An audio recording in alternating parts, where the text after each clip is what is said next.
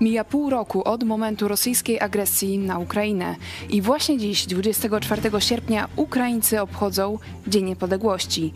Władze w Kijowie ostrzegają przed rosyjskimi atakami. Prezydent Władimir Zełenski apeluje o dostawy broni, by jak najszybciej zakończyć wojnę, czyli odnieść zwycięstwo.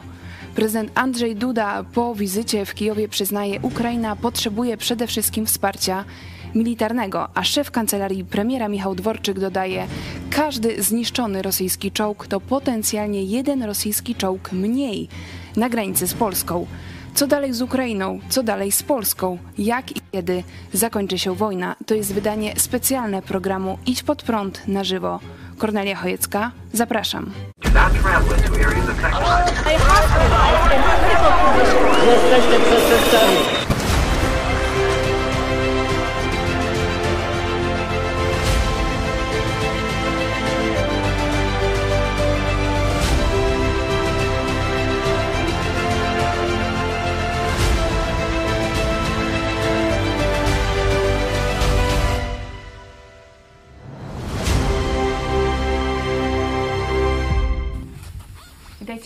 Idź Pod Prąd. Jest środa, 24 dzień sierpnia. Tak jak mówiłam we wstępie, specjalny dzień, Dzień Niepodległości Ukrainy. I dzisiaj e, przede wszystkim będziemy rozmawiać o naszych sąsiadach, o tych, którzy są dzisiaj na froncie, ale również o Ukraińcach, którzy dzisiaj są w Polsce i e, w innych krajach, którzy tęsknią za swoimi bliskimi. Będziemy również rozmawiać o przyszłości Polski i e, przyszłości Ukrainy i o tym, jak możemy dzisiaj konkretnie e, wspierać Ukraińców. Czekamy na Wasze głosy. Jesteśmy na YouTubie, na Facebooku, na Twitterze, na Instagramie.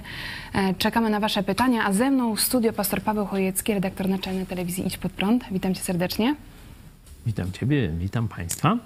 I redaktor Michał Fałek, przedsiębiorca, który wiemy, że szczególnie w naszej redakcji śledzi na bieżąco to, co dzieje się na Ukrainie. Witam Cię również. Ciebie I witam Was, drodzy widzowie.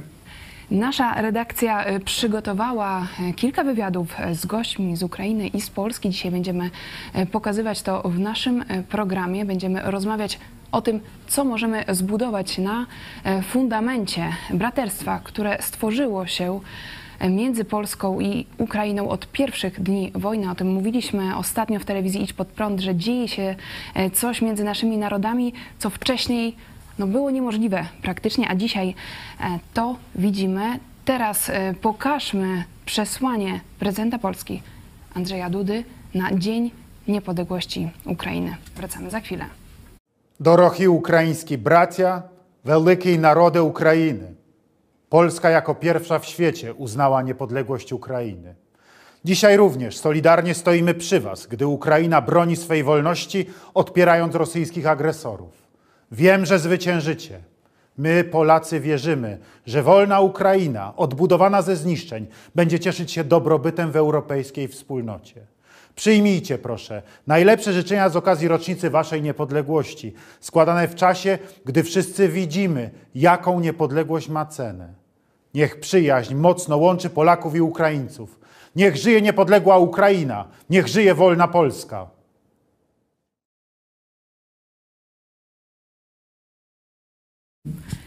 Niech żyje niepodległa Ukraina, niech żyje wolna Polska, to mówi e, prezydent Andrzej Duda. Dzień po e, wizycie w Kijowie my pamiętamy, kiedy kilka dni temu e, z okazji Święta Wojska Polskiego prezydent Ukrainy powiedział piękne przesłanie po polsku. Myślę, że trudno nam sobie w ogóle wyobrazić te uczucia, jak to jest świętować Dzień Niepodległości w momencie, kiedy na nasz kraj najeżdża Rosja. Także no, dzisiaj staramy się e, współczuć Ukraińcom, ale e, myślę, że tak naprawdę nie do końca ich rozumiemy.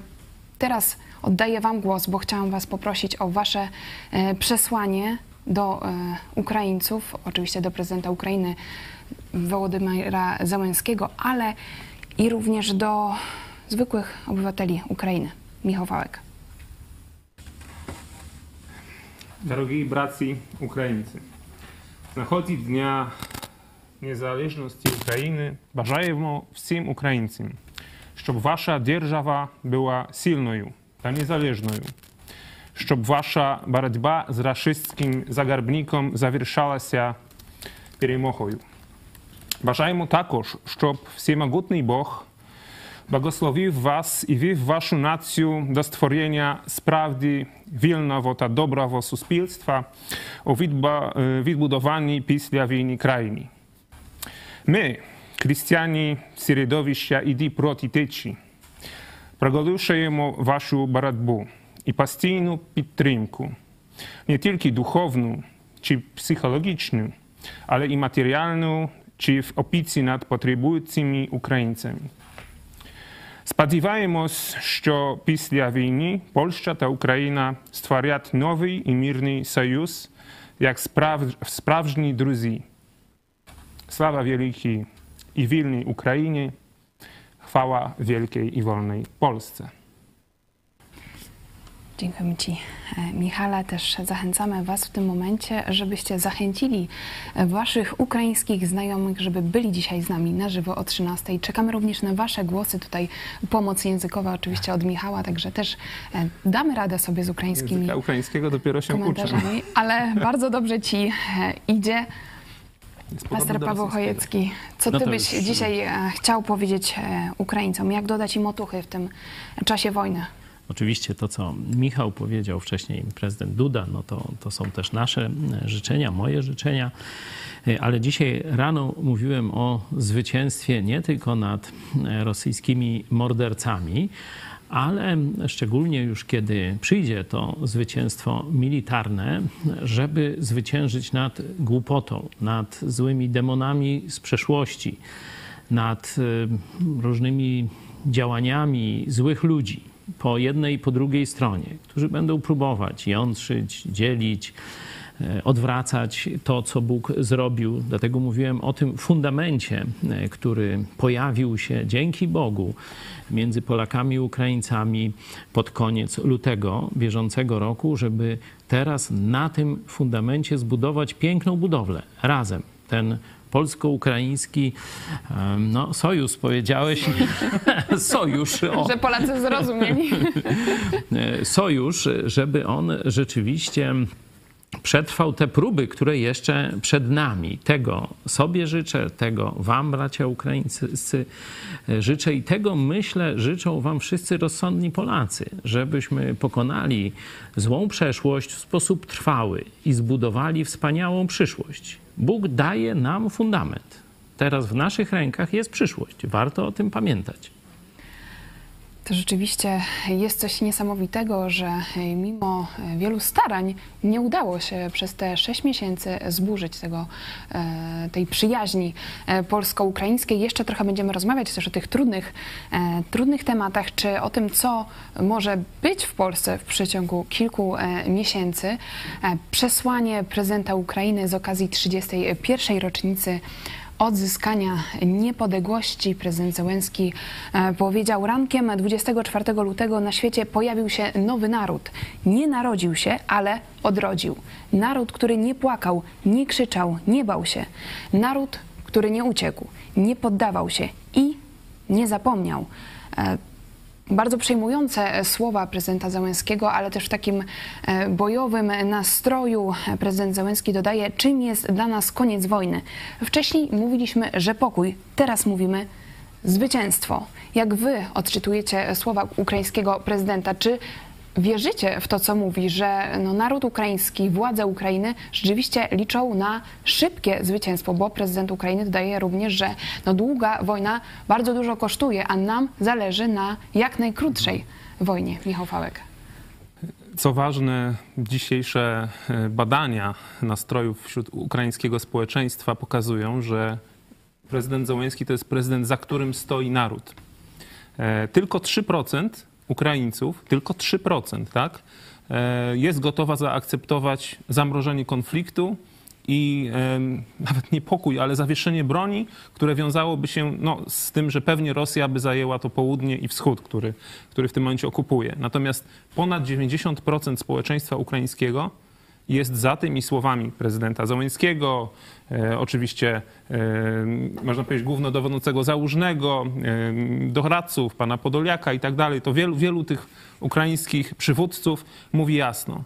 Naszym celem jest teraz wygonienie kacapów, wygonienie ruskich ze wszystkich nas- naszych ziem, czyli z Donbasu, z Krymu i tyle. Czyli to jest rzeczywiście, mówisz 90%, ponad 90%, czyli też widać ogromną jedność e, Oni Ukraińców w czasie walczyć wojny. do końca. Oni są zdecydowani. Też jadąc tutaj do studia, słys- słyszałem w radio, e, w polskim radio akurat też, e, też mówili Ukraińcy, że my w tym momencie, my jesteśmy gotowi naprawdę poświęcić wiele. W każdej rodzinie ukraińskiej, to mówił z Ukrainy reporter, mówił, że w każdej praktycznie ukraińskiej rodzinie już ktoś zginął, już, jest, już są jakieś straty albo jest ktoś ranny. Każda ukraińska rodzina została dotknięta tym atakiem e, tych raszystów putinowskich, Rosjan. Trzeba powiedzieć, to są Rosjanie. To nie, to nie jest wojna Putina, to jest wojna Rosjan. Także oni w tym momencie, już można powiedzieć, e, ich się nie da zastraszyć. Bo już ten etap zastraszyć. kryzysu, tego Dokładnie. mają za sobą. Ich się nie da zastraszyć, a w wojnie, a w takiej szczególnie wojnie o ojczyznę, można powiedzieć, poziom takiego podejścia, czy em, no, właśnie braku strachu, pewności siebie i spodziewania się, jest bardzo ważny. Morale, prawda? Morale jest, naj, jest jedną z najbardziej istotnych, istotnych komponentów prowadzących do zwycięstwa. Oni mają wielkie morale. Dużo większe niż cała ta Europa, ym, wiecie. Myślę, że tych te ludzi, właśnie co się te- te boją morale, o, o ten- ciepłą wodę w kranie. Oni są gotowi przetrwać zimę e, w mrozie, ale wygrać z ruskimi na wiosnę czy w lecie. Że wiem, Rosja wiemy, zdechnie. ilu Ukraińców teraz wróciło e, do swojego kraju. To też pokazuje na to, że rzeczywiście się nie boją i widać, jakie mają priorytety też w swoim życiu e, prywatnym. Pastor Paweł Chojecki, jak ty odbierasz te słowa prezydenta Załęskiego, który no, patrzy w, dzisiaj, w tym dniu, w Dniu Niepodległości, patrzy z góry e, całościowo na naród ukraiński i mówi, że e, ten naród się nie narodził, ale odrodził. Tak, to jest myślę bardzo trafne określenie. Wszyscy myśleli, no wszyscy mówię, wiecie, w pewnym tam jakimś uproszczeniu, że ta wojna e, potrwa e, kilka dni, że Rosja weźmie tam sobie jakiś kawałek kolejny e, Ukrainy, że Ukraina nieprzygotowana do wojny pod względem militarnym, państwowym, także narodowym. Przecież pamiętajmy, że część Ukraińców nie mówi po ukraińsku, nie? że oni chodzili do rosyjskich szkół, czytali rosyjskich tam poetów, wychowywali się, no niech to tak zabrzmi, na, na rosyjskiej kulturze, chociaż no to już to dziwnie brzmi. Nie wiem, czy jest jeszcze coś takiego jak y, bardziej na kacapskiej antykulturze, o tak można powiedzieć. Także e, wydawało się, że to pójdzie jak, mm, jak w masło, że to będzie jakaś tylko taka trzydniowa wojna, powiedzmy. Nie? To, co powiedział prezydent Zełęński, ten naród pokazał, że się odrodził. Że ten czas, mówiliśmy ostatnich e, kilkunastu, e, tu z prezydentem Turczynowem o tymśmy e, rozmawiali jakiś czas temu, ale też z pastorem Jaremczukiem, rektorem Irpińskiego Seminarium, rozmawialiśmy o tym, że to już też no, 200 lat działania chrześcijan wśród właśnie tego narodu spowodowały te wszystkie czynniki razem wzięte i tu trudno wyważyć, który jest decydujący. My oczywiście patrzymy głównie na ten czynnik duchowy, dały e, światu jasny obraz, że oto naród, który był postrzegany jako słaby, nie mający przygotowanej armii, pokonał w polu e, największą armię Euroazji, drugą armię w świecie. Tak się przyjmuje. I to pokonał w sposób taki, że no, jak to się mówi, tam te kalesony w garści trzymali i spieprzali tam spod e, Kijowa. To właśnie prezydent Turczynow o tym mówił w naszej telewizji. I on już wtedy, kilka miesięcy temu, zapowiadał, że wygonią Kacapa także z tych ziem, które okupuje tam w okolicach Donbasu, e, czy, e, czy Krymu, czy, czy jeszcze w innych tam południowych e, rejonach, że wypędzą ruskich. Tak powiedział i zobaczcie, to się dzieje. Do tego dołożyłbym znaczenie silnego, mądrego sojuszu geopolitycznego. Ukraina nie ma sojuszu z Unią Europejską, nie ma sojuszu z NATO. A z kim ma? ze Stanami Zjednoczonymi, no to to jest właśnie to, co my mówimy. Polska musi mieć również dwustronny, silny sojusz ze Stanami Zjednoczonymi. Nie? Żadnych tam durnych wojenek, tak jak to ekipa obecna robi, czy o TVN ze Stanami Zjednoczonymi, czy różne wojenki z Izraelem, z największym sojusznikiem e, w tej części świata Stanów Zjednoczonych. To absolutnie jest Pols wroga Polsce polityka. Nie? Mam nadzieję, że ekipa pisowska się z tego już raz na zawsze wyleczy. E, rząd, prezydent i naród Ukrainy zdali egzamin doskonale, zarówno jeśli chodzi o przygotowanie państwa do wojny, jak też i e, zawarcie właściwego sojuszu geopolitycznego. I dzisiaj, w Dzień Niepodległości Ukrainy, Stany Zjednoczone ogłaszają kolejną ogromną transzę wsparcia dla Ukrainy. Prezydent Duda zresztą też o tym mówi, że to, czego Ukraina potrzebuje dziś najbardziej, to broń. Jeszcze nie znamy szczegółów, bo w Stanach Zjednoczonych jest jeszcze ranek, ale to są 3 biliony dolarów. To wczoraj Tak. zostało zapowiedziane, że To dzisiaj. nie wyobrażamy sobie A skali, przecież co to tydzień temu 800 milionów Tak. było zapowiedziane, a teraz był jakiś taki czas, że było chwileczkę tak troszeczkę wolniej, nie? Z tymi amerykańskimi, bo tak, Tak. oni tak mniej więcej co mm, po prostu co Skokami. miliard, no nie, nie 3 biliony, 3 miliardy, przepraszam, yy, to moja pomyłka, natomiast co miliard dolarów mniej więcej, a teraz dali 800 Tak. milionów tydzień temu, a Razy teraz cztery. Tak. Ekstra jeszcze jest Tak. z okazji Święta Narodowego Ukrainy 3 miliardy dolarów w sprzęcie, a jeszcze ciekawe jest to, że Amerykanie, y, jak się mówi, to jest tajemnica Poliszynela, ale myślę, że takie są fakty, oni część sprzętu ogłaszają, że jedzie to, to i to, prawda? Ale części nie ogłaszają. A ten sprzęt tak. tam jest i działa znakomicie, no, No bo tak przecież samo- to, co się dzieje na Krymie, Tak. no to nie są partyzanci, No tylko wszyscy, wszyscy czekamy na zniszczenie tego mostu, który z. Kacapią tam e, łączy. Podobnie e, z tymi dronami, tam rewolwer 860 z Tajwanu. No tak, Tak. skąd z Tajwanu? Toś jak one tutaj się tak tego? Noż to Polska, no już tam, no nie będziemy szczegółów mówić, ale... Wiele, wiele, dzie, wiele, ale wiele dzieje się poza blaskiem tak, fleszy, tak. e, Kilkaset sztuk tych świetnych dronów z Tajwanu przez Polskę już działa na Ukrainie.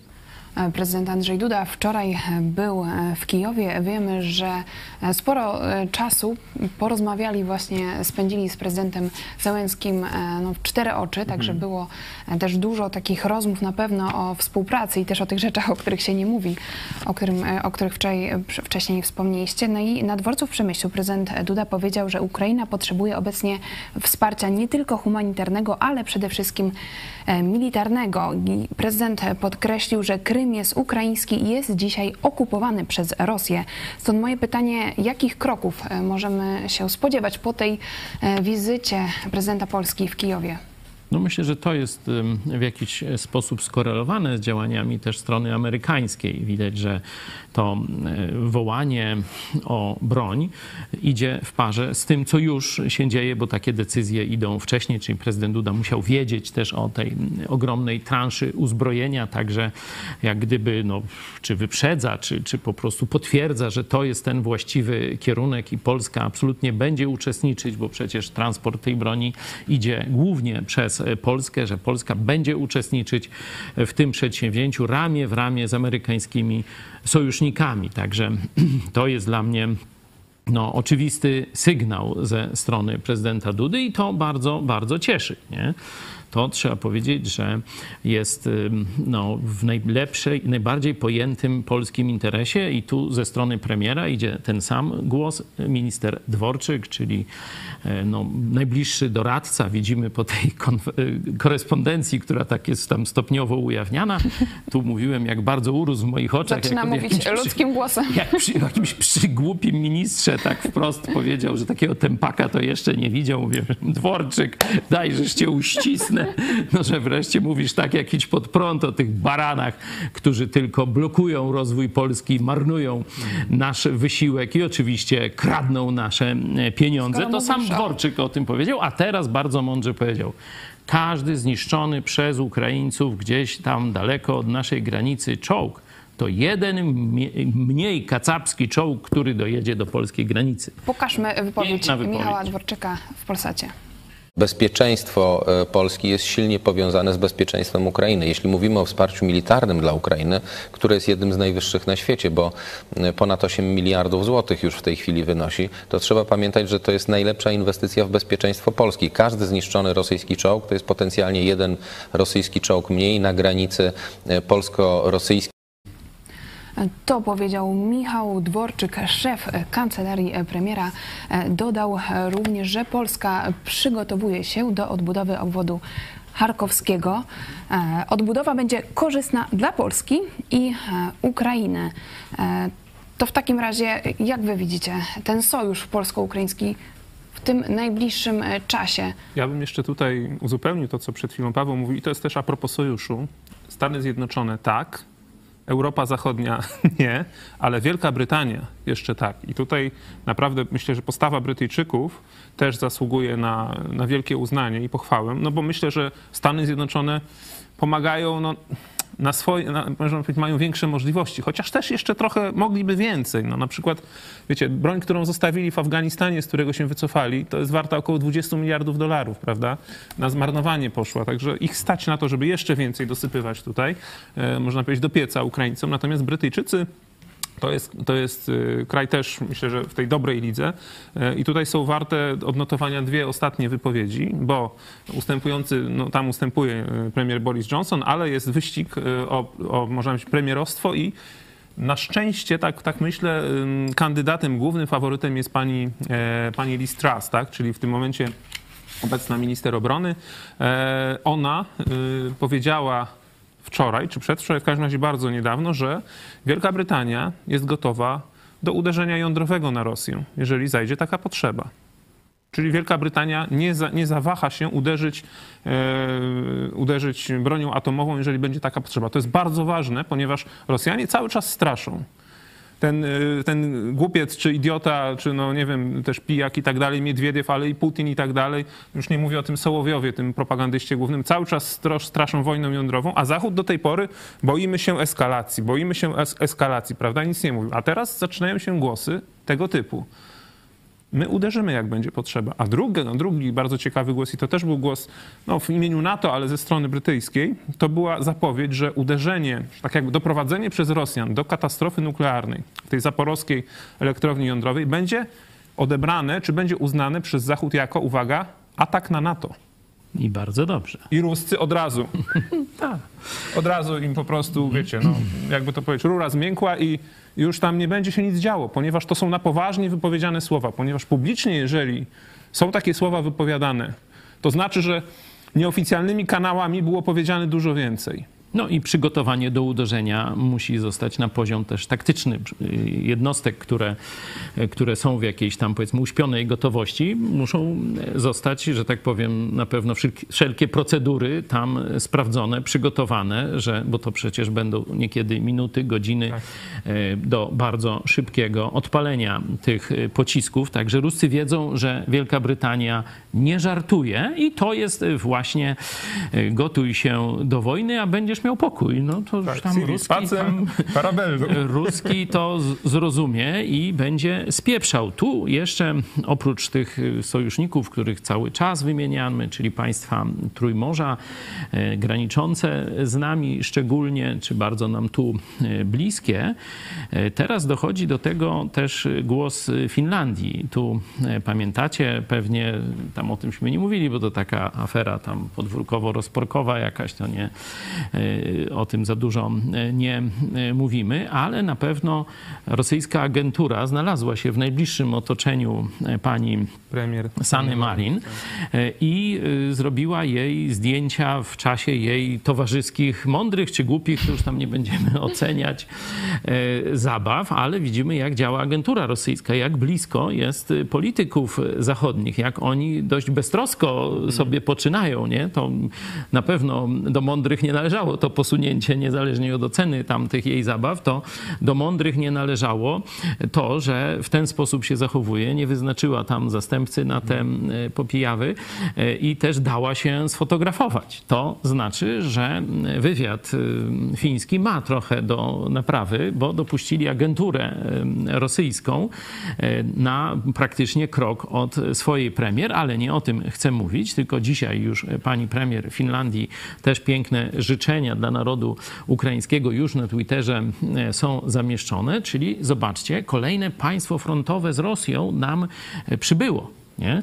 E, Finlandia starała się być taka neutralna, jak gdyby mówiło się właśnie o tej finlandyzacji, czy niby państwo na model zachodni, ale jednak całkowicie uległe Moskwie. To właśnie Kaczyński rozmawiał z jednym z e, kagiebistów e, wysłanych przez Kreml do kontaktu z przyszłą władzą, nie? no bo oni już przygotowywali te marionetki do władzy w latach 80., 90., nie? że najpierw będzie rządził ten, potem ten, potem ten. Nie?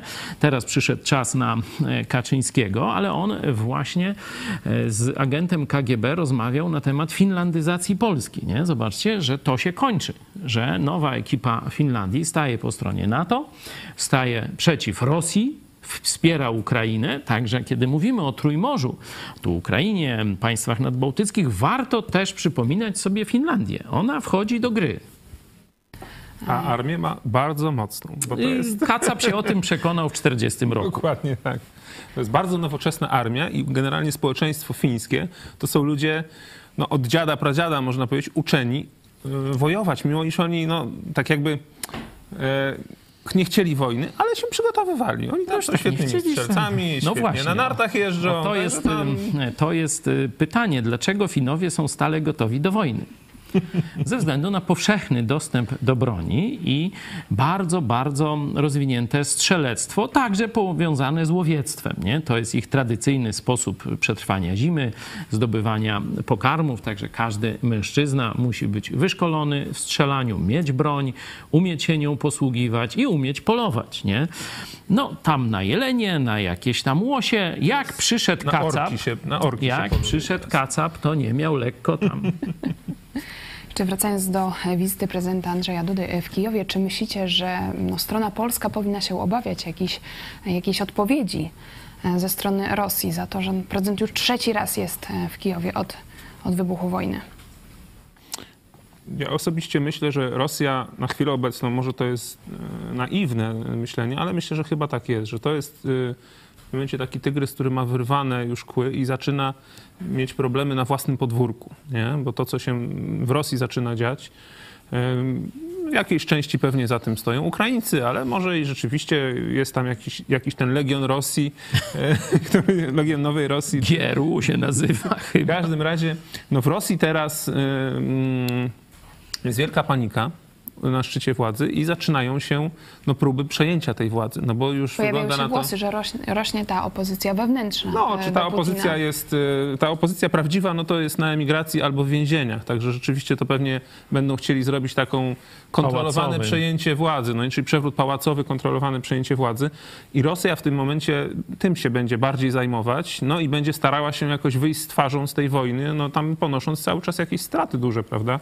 Faktem jest, że na wojnie nie giną Moskwiczanie i nie giną ci miesz- mieszkańcy dawnego Leningradu, tylko giną przede wszystkim jacyś tam Jakuci, Burjaci i też w dużej mierze, bardzo dużo, y, to te, też są fakty, zginęło przymusowo wcielonych mieszkańców tej Donbabwy i Ugandy, czyli tej Ługańskiej i Donbaskiej Republiki Ludowej, bo oni są po prostu brani przymusowo na front i oni są po to, żeby testować, gdzie, jest, gdzie są y, stanowiska ukraińskie. Czyli po prostu idą, ukraińska artyleria się odzywa, rozwala ich, a Ruscy wiedzą, ci Wagnerowcy, którzy tam już są dalej, gdzie atakować. Także na tej zasadzie No taka Rosjanie trochę technika, jak wcześniej NKWD Dokładnie. e, stosowało.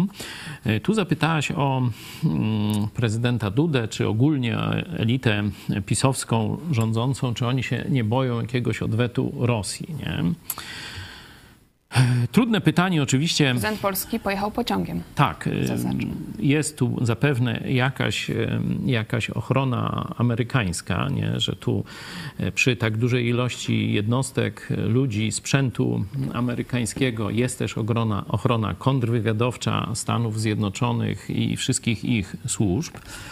Mm, Ale tu dzieją się jeszcze mm, inne rzeczy, które warto przy tym odnotować. Mianowicie pojawiły się od kilku dni, pani Hania Szen już o tym e, informuje u siebie na Twitterze. Będziemy niebawem z nią o tym rozmawiać więcej, czyli to jest jakaś poważna sprawa, że rząd PiSu zadłuża nas u komunistycznych Chin. E, Jest też nawet informacja, może plotka na razie, że e, e, rząd PiSu sprzedaje rezerwy złota komunistycznym Chinom. Także być może oni próbują tu rozgrywać jakąś tego typu grę.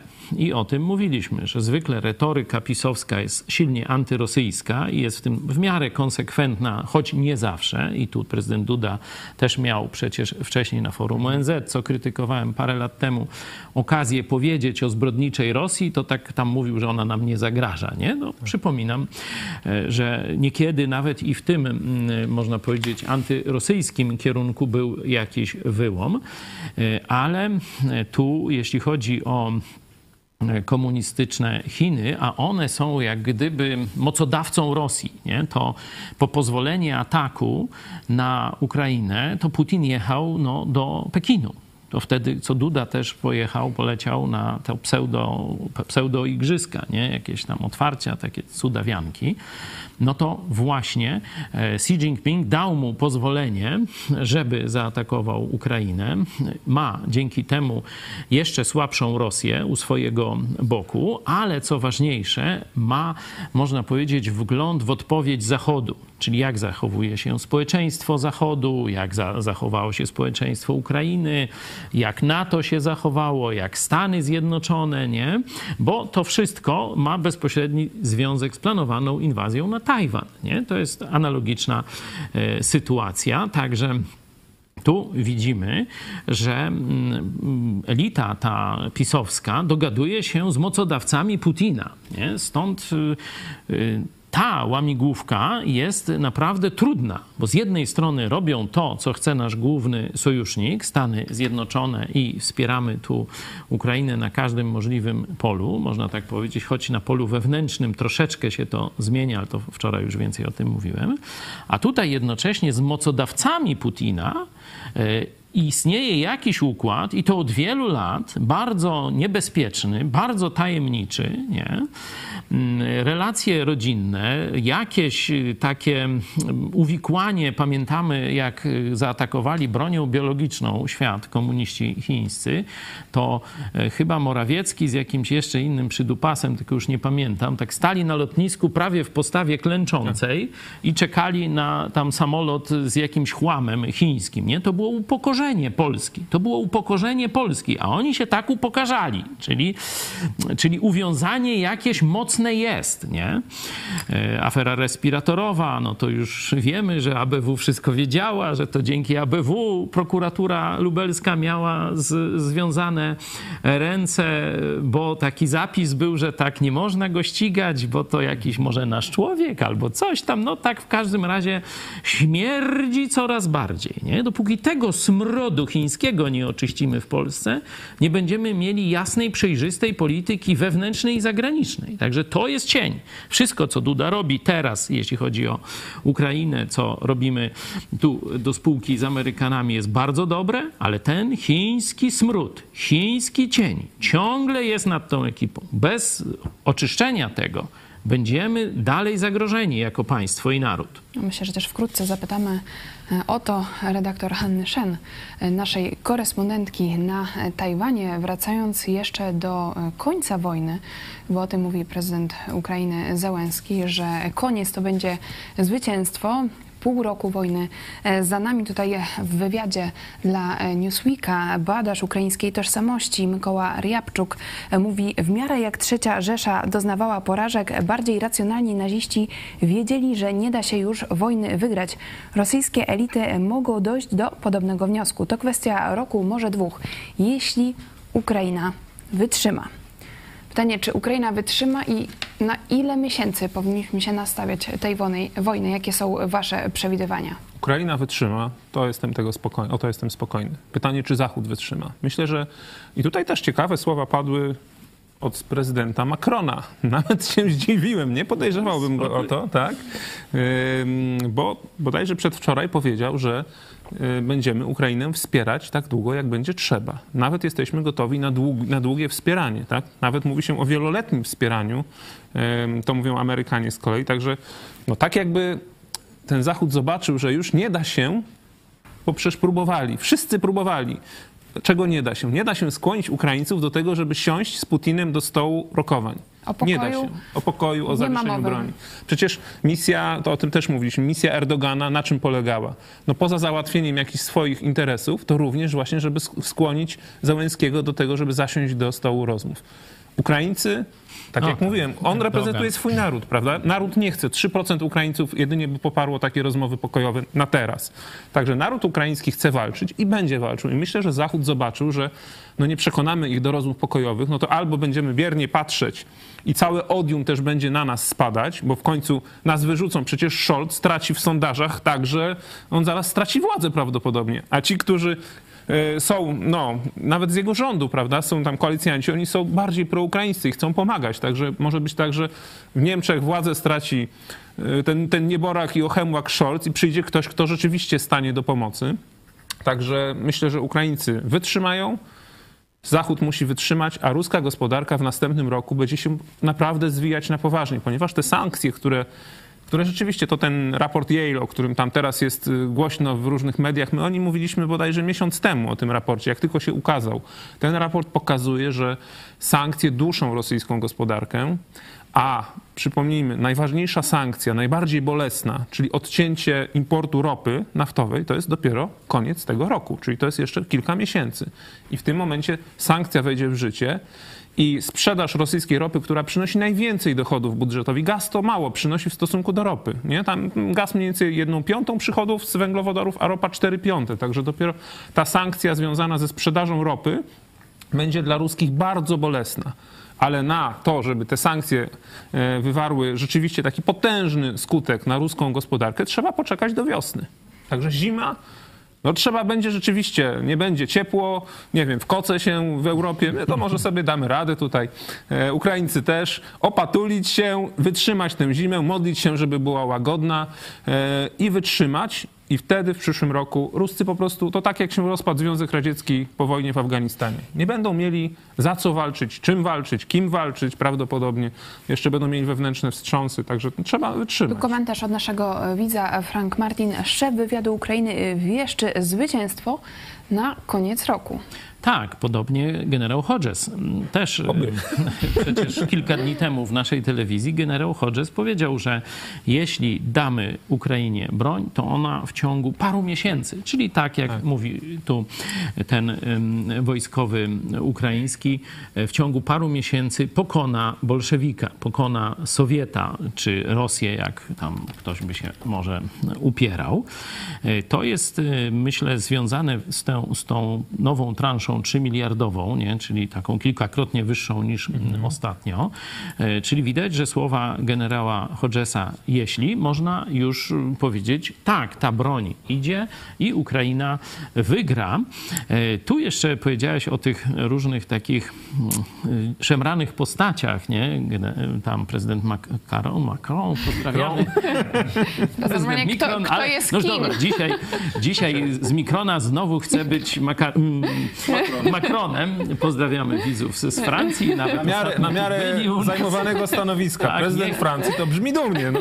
Będzie Charlemagne Macron. No mi tam nie, nie pokazuje, nie, nie przeszkadza. Jak najlepiej Francji oczywiście e, życzymy. Tutaj też prezydent Turcji, który też tak się dziwnie zachowywał, tak jakby chciał sankcje pomóc omijać Rosji. Teraz mówi, że Krym musi wrócić do Ukrainy. Także rzeczywiście chyba Amerykanie dokręcili To po śrubę. tym, jak Amerykanie zagrozili Tureckiej tureckim firmom, że zostaną objęte sankcjami za pomaganie w No unikaniu właśnie, sankcji. właśnie chyba Amerykanie przykręcili Dokładnie. śrubę i tak mądrość wraca nie przez głowę, tylko przez inną część ciała, no ale to już tak e, bywa. Ale chciałem jeszcze o tym zdrajcy z Watykanu e, powiedzieć dwa e, słowa, bo pamiętacie, wysłannik tego diabolicznego przywódcy katolickiego e, pojawił się na Ukrainie i to był znak, ja tak przynajmniej to odczytałem, że będą naciski właśnie, żeby zawrzeć ro rozejm. Rosja już wtedy była słaba, już poniosła totalną klęskę i Watykan chciał uratować to, co zostanie z Rosji. Nie?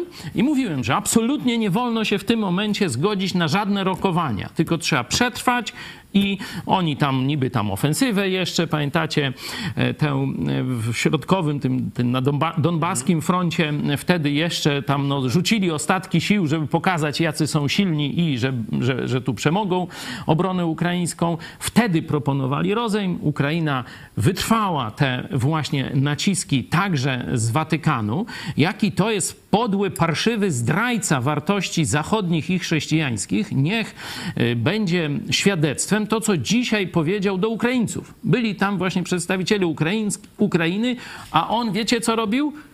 Użalał się nad biedną dziewczyną, córką Dugina. No. To zrobił papież katolicki Franciszek. Zdrajca Zachodu, zdrajca chrześcijaństwa. Kobietą, którą, trzeba powiedzieć, to kolejny raz, chciała, czy jej, można powiedzieć, idea fix była eksterminacja narodu ukraińskiego. Ta Daria Dugina to była no po prostu faszystka czystej wody, czy raszystka, która, która no wychowana na ideologii swojego ojca i nie Jeru. tylko.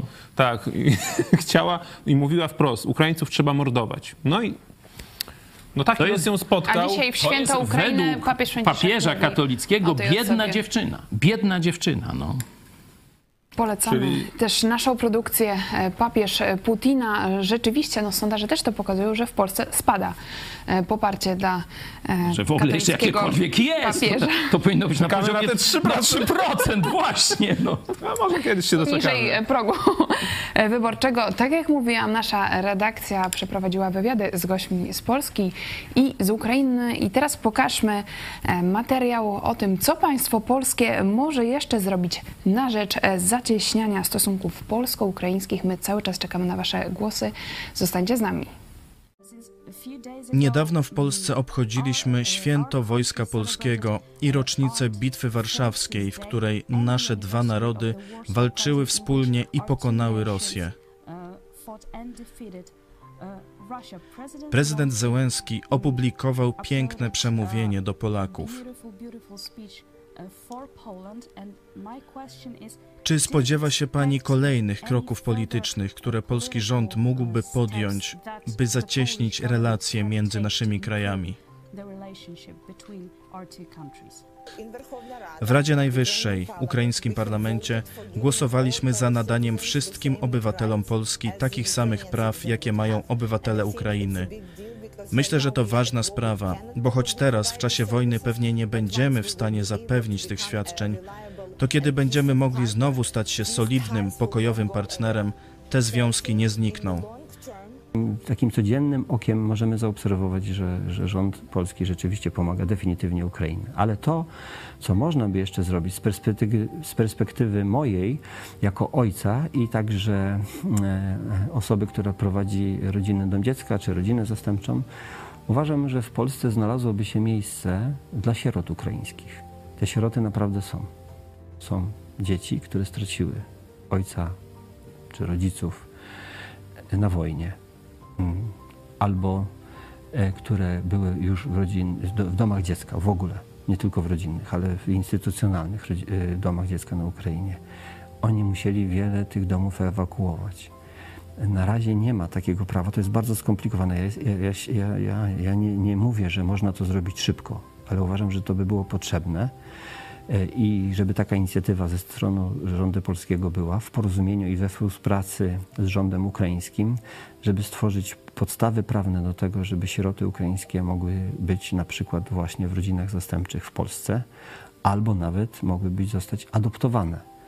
Y, To nie jest łatwe, ale to jest możliwe i może nie pomogłoby to tak bardzo, powiedzmy, narodowi ukraińskiemu albo państwu ukraińskiemu, ale pomogłoby to konkretnym osobom, najbardziej pokrzywdzonym i najbardziej bez, bezbronnym, czyli dzieciom. Uważam, że to trzeba zrobić. Polska zdecydowanie stała się obrońcą Ukrainy na arenie międzynarodowej. Wszystko świadczy o tym, że będą podejmowane kolejne kroki, które miałyby na celu wszechstronny rozwój współpracy polsko-ukraińskiej. Pierwszej kolejności mówimy tutaj o komunikacji. Najprawdopodobniej ta współpraca będzie się coraz bardziej rozwijała, bo Polska zdecydowanie udowodniła, że jest prawdziwym przyjacielem Ukrainy. My jako naród, tak jak powiedziałem, spełniliśmy świetnie swój obowiązek, obowiązek i dalej spełniamy. Jeśli chodzi o rząd, to takie przesłanie, które zrobił prezydent Ukrainy e, Załański, myślę, że powinno skutkować tym, że nasz prezydent, nasz rząd również powinien dać taką deklarację e, wspólnoty, solidarności. Tego, tego uważam, że troszkę nam brakuje takiej deklaracji państwa, deklaracji głowy państwa, pokazującej, że stoimy na tych samych wartościach, na wartościach wolności, na wartości suwerenności. I dalej powinniśmy dzisiaj pokazywać Rosji tą samą stanowisko.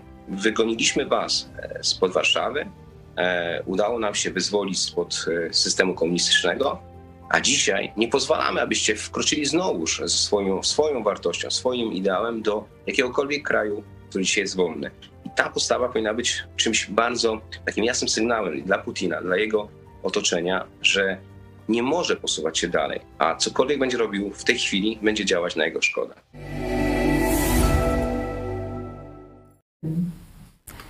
Dziękujemy za ten materiał. Osoby, tak jak widzieliście przed chwilą, które są na co dzień zaangażowane w pomoc Ukrainie, ale również przedstawicielka, przewodnicząca ukraińskiej partii Głos, Kira Rudik, wystąpiła w naszej telewizji. Do tych wywiadów jeszcze e, wrócimy. To może tak, e, jakbyście mieli jedną minutę e, rozmowy, czy z prezydentem Andrzejem Dudą, czy z premierem Morawieckim. Co byście chcieli przekazać, tak, no, jako Polak, jako zwykły obywatel, w którym kierunku ma państwo polskie iść, żeby dzisiaj no, stanąć przy Ukrainie w tym, w tym momencie, tak jak mówiliśmy, no, być może tej ostatecznej walki e, z Rosją Putina? Dwie rzeczy.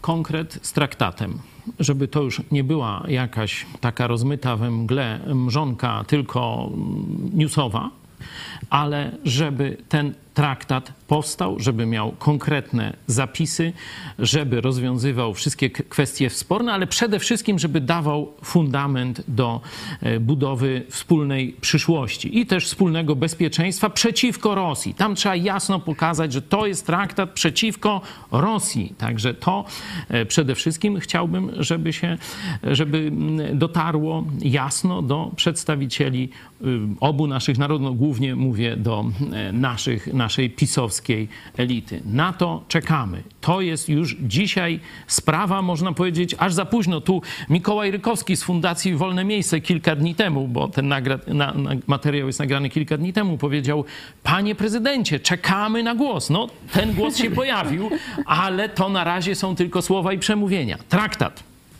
Michał.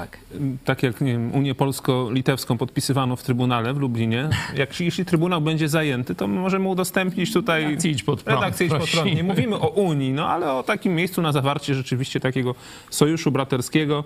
E, no i myślę, że za tym powinny pójść gospodarcze mm, działania. Rzeczywiście jakaś, nie wiem, umowa o wolnym, dwustronna o wolnym handlu, prawda?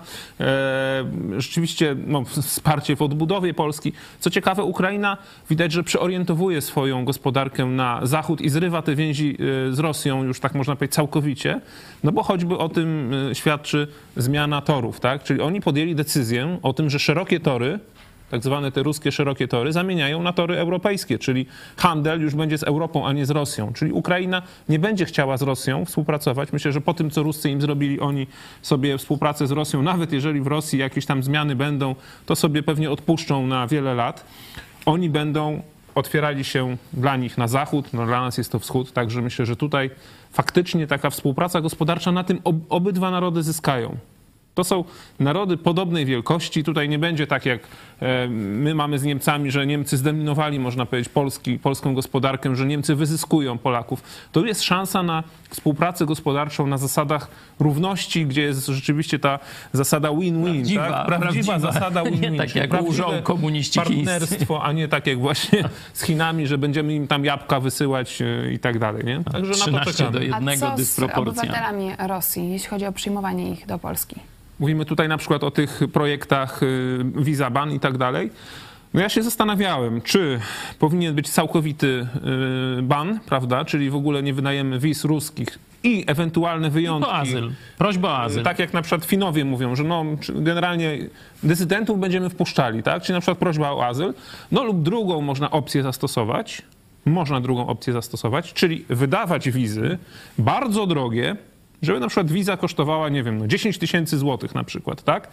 I te pieniądze z wizy, które już jakiś Ruski będzie chciał zapłacić, idą na odbudowę Ukrainy, czyli wtedy, żeby wiadomo było, że Na Ruscy, którzy chcą wyjechać do Europy, to zapłacą za odbudowę Ukrainy.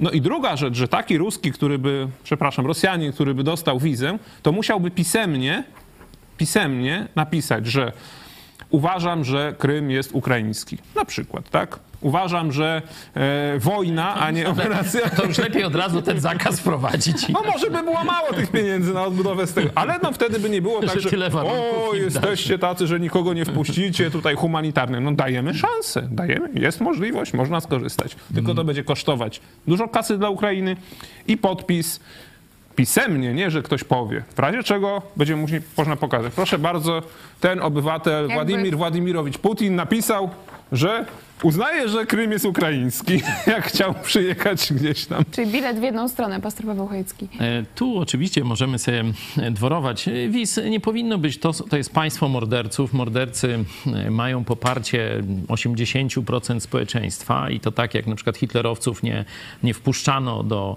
normalnych państw, na przykład do Wielkiej Brytanii czy, czy coś takiego w czasie wojny. No tam gdzieś Szwajcaria to była takim, czy, czy Skandynawia takim elementem, że tak powiem, pośrednim, nie? gdzie się tam jakoś e, spotykali, ale normalnie w państwach uczestniczących w wojnie no, obywatele drugiego kraju nie mają nic do roboty, chyba że szpiegowskiej. No to, no to na to się nie będziemy absolutnie godzić. Także to jest słabość e, Zachodu. To już e, przecież ci dysydenci, szpiedzy rosyjscy, którzy uciekali, Suworow, nie? którzy uciekali na Zawód, to, to się w ogóle śmiali. No, w ogóle wy nie jesteście przygotowani do naszej infiltracji. My tu wjeżdżamy, robimy co chcemy, a wy nic, nie? E, Także to powinno się skończyć, ale o wiele ważniejszą rzeczą jest walka z dezinformacją rosyjską w Polsce. Nie? Przecież Tutaj praktycznie... komentarz, wejdę ci słowo, Mariusz Borucki. Putin się niepokoi, więc wszystkie jego marionetki Tak. ruszyły do akcji, nawet jeśli się przy tym odkryją. No to już teraz rozumiem, dlaczego różni eksperci tak debilnie e, teraz wciskają kacapską propagandę. Pamiętacie taki e, pozujący się na takiego intelektualistę katolicki, katolickiego z tego do rzeczy chyba, tak? Taki li, Lisicki. Lisicki. E, Nie? On taki niby konserwatysta, prawicowiec. Jak tu on nawet takie biblijne jakieś teksty, coś o zmartwychwstaniu Chrystusa, pamiętam jakieś książki, jaki świętojański, nie? A jak się wypowiedział, to tylko zatykać nos, tak zaleciało ruską starą onucą, że to w ogóle do niczego. Czyli Teraz zobaczcie, nazywa coming out zrobił. Także e, to jest dzisiaj zadanie nie tylko dla rządu, to jest zadanie dla każdego Polaka, że jeśli ktoś wbija klin między Polaków i Ukraińców, to jest szkodnik, jeśli chodzi o sprawę polską. E, To może być albo pożyteczny idiota, albo wręcz nawet jakiś sługus Putina. No i trzeba, e, że tak powiem, nie powielać, nie, nie wklejać tam w internecie, wyrzucić go z grona znajomych na Facebooku, no bo to dzisiaj tam się głównie życie towarzyskie toczy i tak dalej, i tak dalej. Nie powielać ruskiej dezinformacji i propagandy w języku polskim szerzone. E, A propos jeszcze przekraczania granic, przypomniały mi się słowa ministra Kułeby, czyli ministra spraw zagranicznych Ukrainy, które są bardzo mądre, uważam. Brzmią one tak. Jak można dać prawo przekraczania granicy komuś, kto nie uznaje międzynarodowych granic? No, Tyle w temacie. Tyle w temacie, ale chciałam was jeszcze zapytać, e, Próbuje nielegalnie. Jak nie ma granicy, niech jedzie. No. co byście e, Wtedy radzili? tam no, już go przywitać. Zobaczymy, jak zostaną przywitani. E, Co byście radzili no, naszym widzom szczególnie? Tutaj nie mówimy już tylko o tej rosyjskiej narracji, ale też o zwykłych takich napięciach między Polakami i Ukraińcami. Teraz zbliża się jesień. Być może część Ukraińców też wróci do naszego kraju. Wiemy, że jest coraz gorzej. Polsce jest inflacja. E, Również są podsycane te, te takie e, głosy, no, napięcia historyczne. Jak sobie radzić w tej sytuacji? Jak mądrze postępować? Myślę, że wiele y, firm polskich, jeżeli mówimy o gospodarce, to funkcjonuje rzeczywiście dzięki pracownikom ukraińskim. I wielu naprawdę pracodawców boleje nad tym, że y, no, Ukraińcy musieli pojechać, ich ukraińscy pracownicy musieli pojechać walczyć za ojczyznę. Także tutaj, jeśli chodzi o gospodarkę, to, to myślę, że nie jest tak źle, prawda? No bo Polacy często no, pewnych pewnych rodzajów pracy nie chcieli podejmować, przyjeżdżali Ukraińcy, tak wykonywali głównie w rolnictwie czy w budow, budow, budownictwie powiedzmy, czy też w opiece nad, e, nad starszymi. Polacy jeździli z kolei te prace wykonywać na zachodzie Europy. No, tak, taka kolej rzeczy jest w tym momencie. E, niestety Niemcy nie przyjeżdżają do nas w tych celach, a mogłoby tak być, jeśli by tam nie inne uwarunkowania, to o tym też niejednokrotnie mówiliśmy. Ale wizy ja bym dla nich wprowadził prewencyjnie, żeby tutaj za dużo nie było. Także myślę, że gospodarczo to naprawdę Polska korzysta na tym, że Ukraińcy przyjeżdżali tutaj i też skorzysta na tym, że tak wielu Ukraińców teraz w Polsce jest, bo oni zostaną i oni będą pracowali, owszem, zarabiają pieniądze dla siebie, ale te pieniądze, część tych pieniędzy wydadzą w Polsce. E, jakieś podatki zarabiając zostaną w Polsce od ich pracy, prawda? Także to jest dobre dla polskiej gospodarki i naprawdę Również tutaj... dla demografii. Tak, O dla demografii jak najbardziej. Także tutaj takie, wiecie, że o, oni tutaj korzystają z polskiego socjalu. No, póki nie mają możliwości wrócenia do swojego kraju, niech żyją tutaj i niech, naprawdę jak najlepiej im się wiedzie. Pamiętajmy, że mężowie, bracia czy ojcowie tych kobiet z dziećmi, które są w Polsce, walczą również za Polskę. Również za Polskę. Tak. Gdyby nie oni, to być może my już byśmy tutaj nie mogli rozmawiać. Być może do wschodu, do Wisły już by były ruskie wojska w tym momencie w Polsce. Tu by trzeba właśnie powiedzieć, że to są żony i dzieci polskich żołnierzy. Takich trzeba traktować, tak jak żołnierzy Petlury na przykład w poprzedniej tej wojnie z bolszewikami, którąśmy wygrali. Oni walczą za Polskę, to są polscy żołnierze, to są dzieci i żony żołnierzy, którzy przelewają krew za Polskę i powinni tu być, one, te dzieci, kobiety powinny być jak najlepiej traktowane. Nie? I tu można jeszcze dalej pójść, bo mm, rozmawiałem z pastorami ukraińskimi. Tu pojawia się ogromny problem w społeczeństwie, bo to już jest pół roku rozłąki. Niekiedy nawet nie ma kontaktu z bliskimi, nie? czyli żona z mężem nie ma kontaktu. Nie? No i tu pojawia się problem rozpadu e, ukraińskich małżeństw. Nie? Musimy naprawdę dopomóc e, tym kobietom i dzieciom e, ukraińskim, żeby po pierwsze zapewnić im godziwe warunki egzystencji? Nie, pracę czy dodatkową pracę, pomóc w opiece nad dziećmi, no różne takie rzeczy. Tu trochę pastor Skrzypkowski z Chełma właśnie mówił też o sierotach, o dzieciach ukraińskich, no to ja bym to rozszerzył też na kobiety, na te właśnie no, połowy rodzin, które tu bez mężów przyjechali. Zapewnić im godziwe warunki. Tu do polskich mężczyzn też no, taki apel, żeby nie stawiać tych kobiet w żadnej dwuznacznej sytuacji. Nie? One są długo bez mężów. Nie? Tamci, ich mężowie mają swoje problemy z powodu rozłąki w Ukrainie, no to, to tam już do nich nie będę apelował, bo raczej chyba niewielu tam nas słucha, ale tutaj Polacy mogą naprawdę zrobić wiele, żeby pomóc tym ukraińskim rodzinom zachować spójność, przetrwać to, przetrwać ten ciężki, trudny czas, żeby później nie było tak, że tego się nie da skleić. Nie? Bo to jest, przecież znamy to, ile polskich rodzin się rozpadło w wyniku tej emigracji do Unii Europejskiej czy Stanów Zjednoczonych. Ile mieliśmy, to się nazywało sieroty? Jakaś Eurosieroty. Eurosieroty, Tak. nie?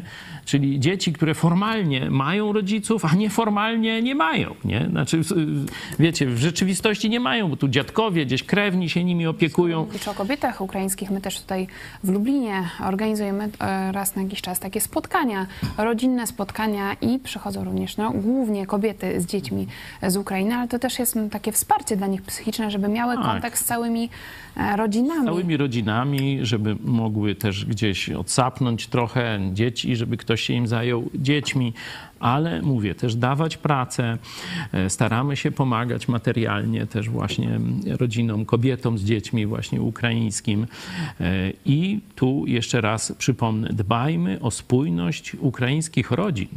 To nie może być później naród sierot, y, wiecie, Rozbitych roz, rozwodów, y, rozbitych rodzin i tak dalej, i tak dalej. Oni muszą później zachować siły żywotne do pójścia naprzód. Dzisiaj Dzień Niepodległości Ukrainy. My za chwilę przejdziemy do tego, co należy budować na tym fundamencie, który już został zbudowany od pierwszych dni wojny. Pokażmy teraz no, bardzo wzruszające słowa z ust Ukraińca Władimira Pas na e, koncercie Serce dla Ukrainy w Chełmie. Pyta, dlaczego?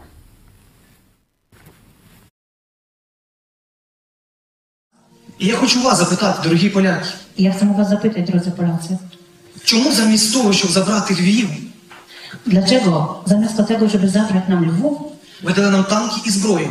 wydaliście nam broń, daliście nam czołgi? Чому замість того, щоб згадувати Волинську різню, Dlaczego zamiast tego, żeby wspominać rzeźnię wolyńską, ви дали нам кришу над головою, wydaliście nam dach nad głową, їжу, jedzenie, одяг? ubrania? Ви потратили стільки свого часу і грошей. Zmarnowaliście tyle swojego czasu, tyle pieniędzy. Чому? Навіщо? Dlaczego? Чому не скористати момент? Dlaczego nie wykorzysta- wykorzystaliście swojej szansy? Може, ви чули е, таку людину, як Оскар Шиндлер? Mm, Możliwe, że słyszeliście o takiej osobie jak Oswald Schindler. Він викупив до півтори тисячі євреїв, він спас їх. On wykupił ponad półtorej tysiąca Żydów. On ich uratował. Я хочу спитатися у вас, дорогі поляки, Ja chcę zapytać u was, drodzy Polacy, скільки українців врятували ви? ile Ukraińców wy uratowaliście? Тому що поляки поступили як справжній брат. Dlatego, że Polacy postąpili jak prawdziwi bracia. Залишається історією. Po wojnie zawsze zostaje się historia. І ми повинні пам'ятати історію, I powinniśmy pamiętać historię, як поляки gdy Polacy підставили нам своє плече, odstawili nam swoje ramię, відкрили нам свої домівки, otworzyli nam swoje domy, поділилися своїм самим дорогоцінним. się tym, co mieli najcenniejszego. І ми повинні, це наш обов'язок, і ми повинні то наш обов'язок розказувати про це своїм дітям і своїм внукам. Оповідати тим своїм дітям і своїм внукам. Я би хотів кожного з вас обняти. Хотів би кожного з вас притулити. Низько поклонитися вам. Низько вам уклонитися. Я вірю і я знаю. Я вірю і я вім. Я впевнений. Jestem pewien tego. Що Бог поблагословить вашу країну. Że Bóg pobłogosławił waszemu kraju. За те, що ви зробили для нас. За те, що ви вчинилиście нам. Ми віримо, що скоро буде перемога. My wierzymy w to, że niebawem nadejdzie zwycięstwo. Але ми би хотіли святкувати цю перемогу разом з вами. I chcielibyśmy świętować to zwycięstwo razem z wami.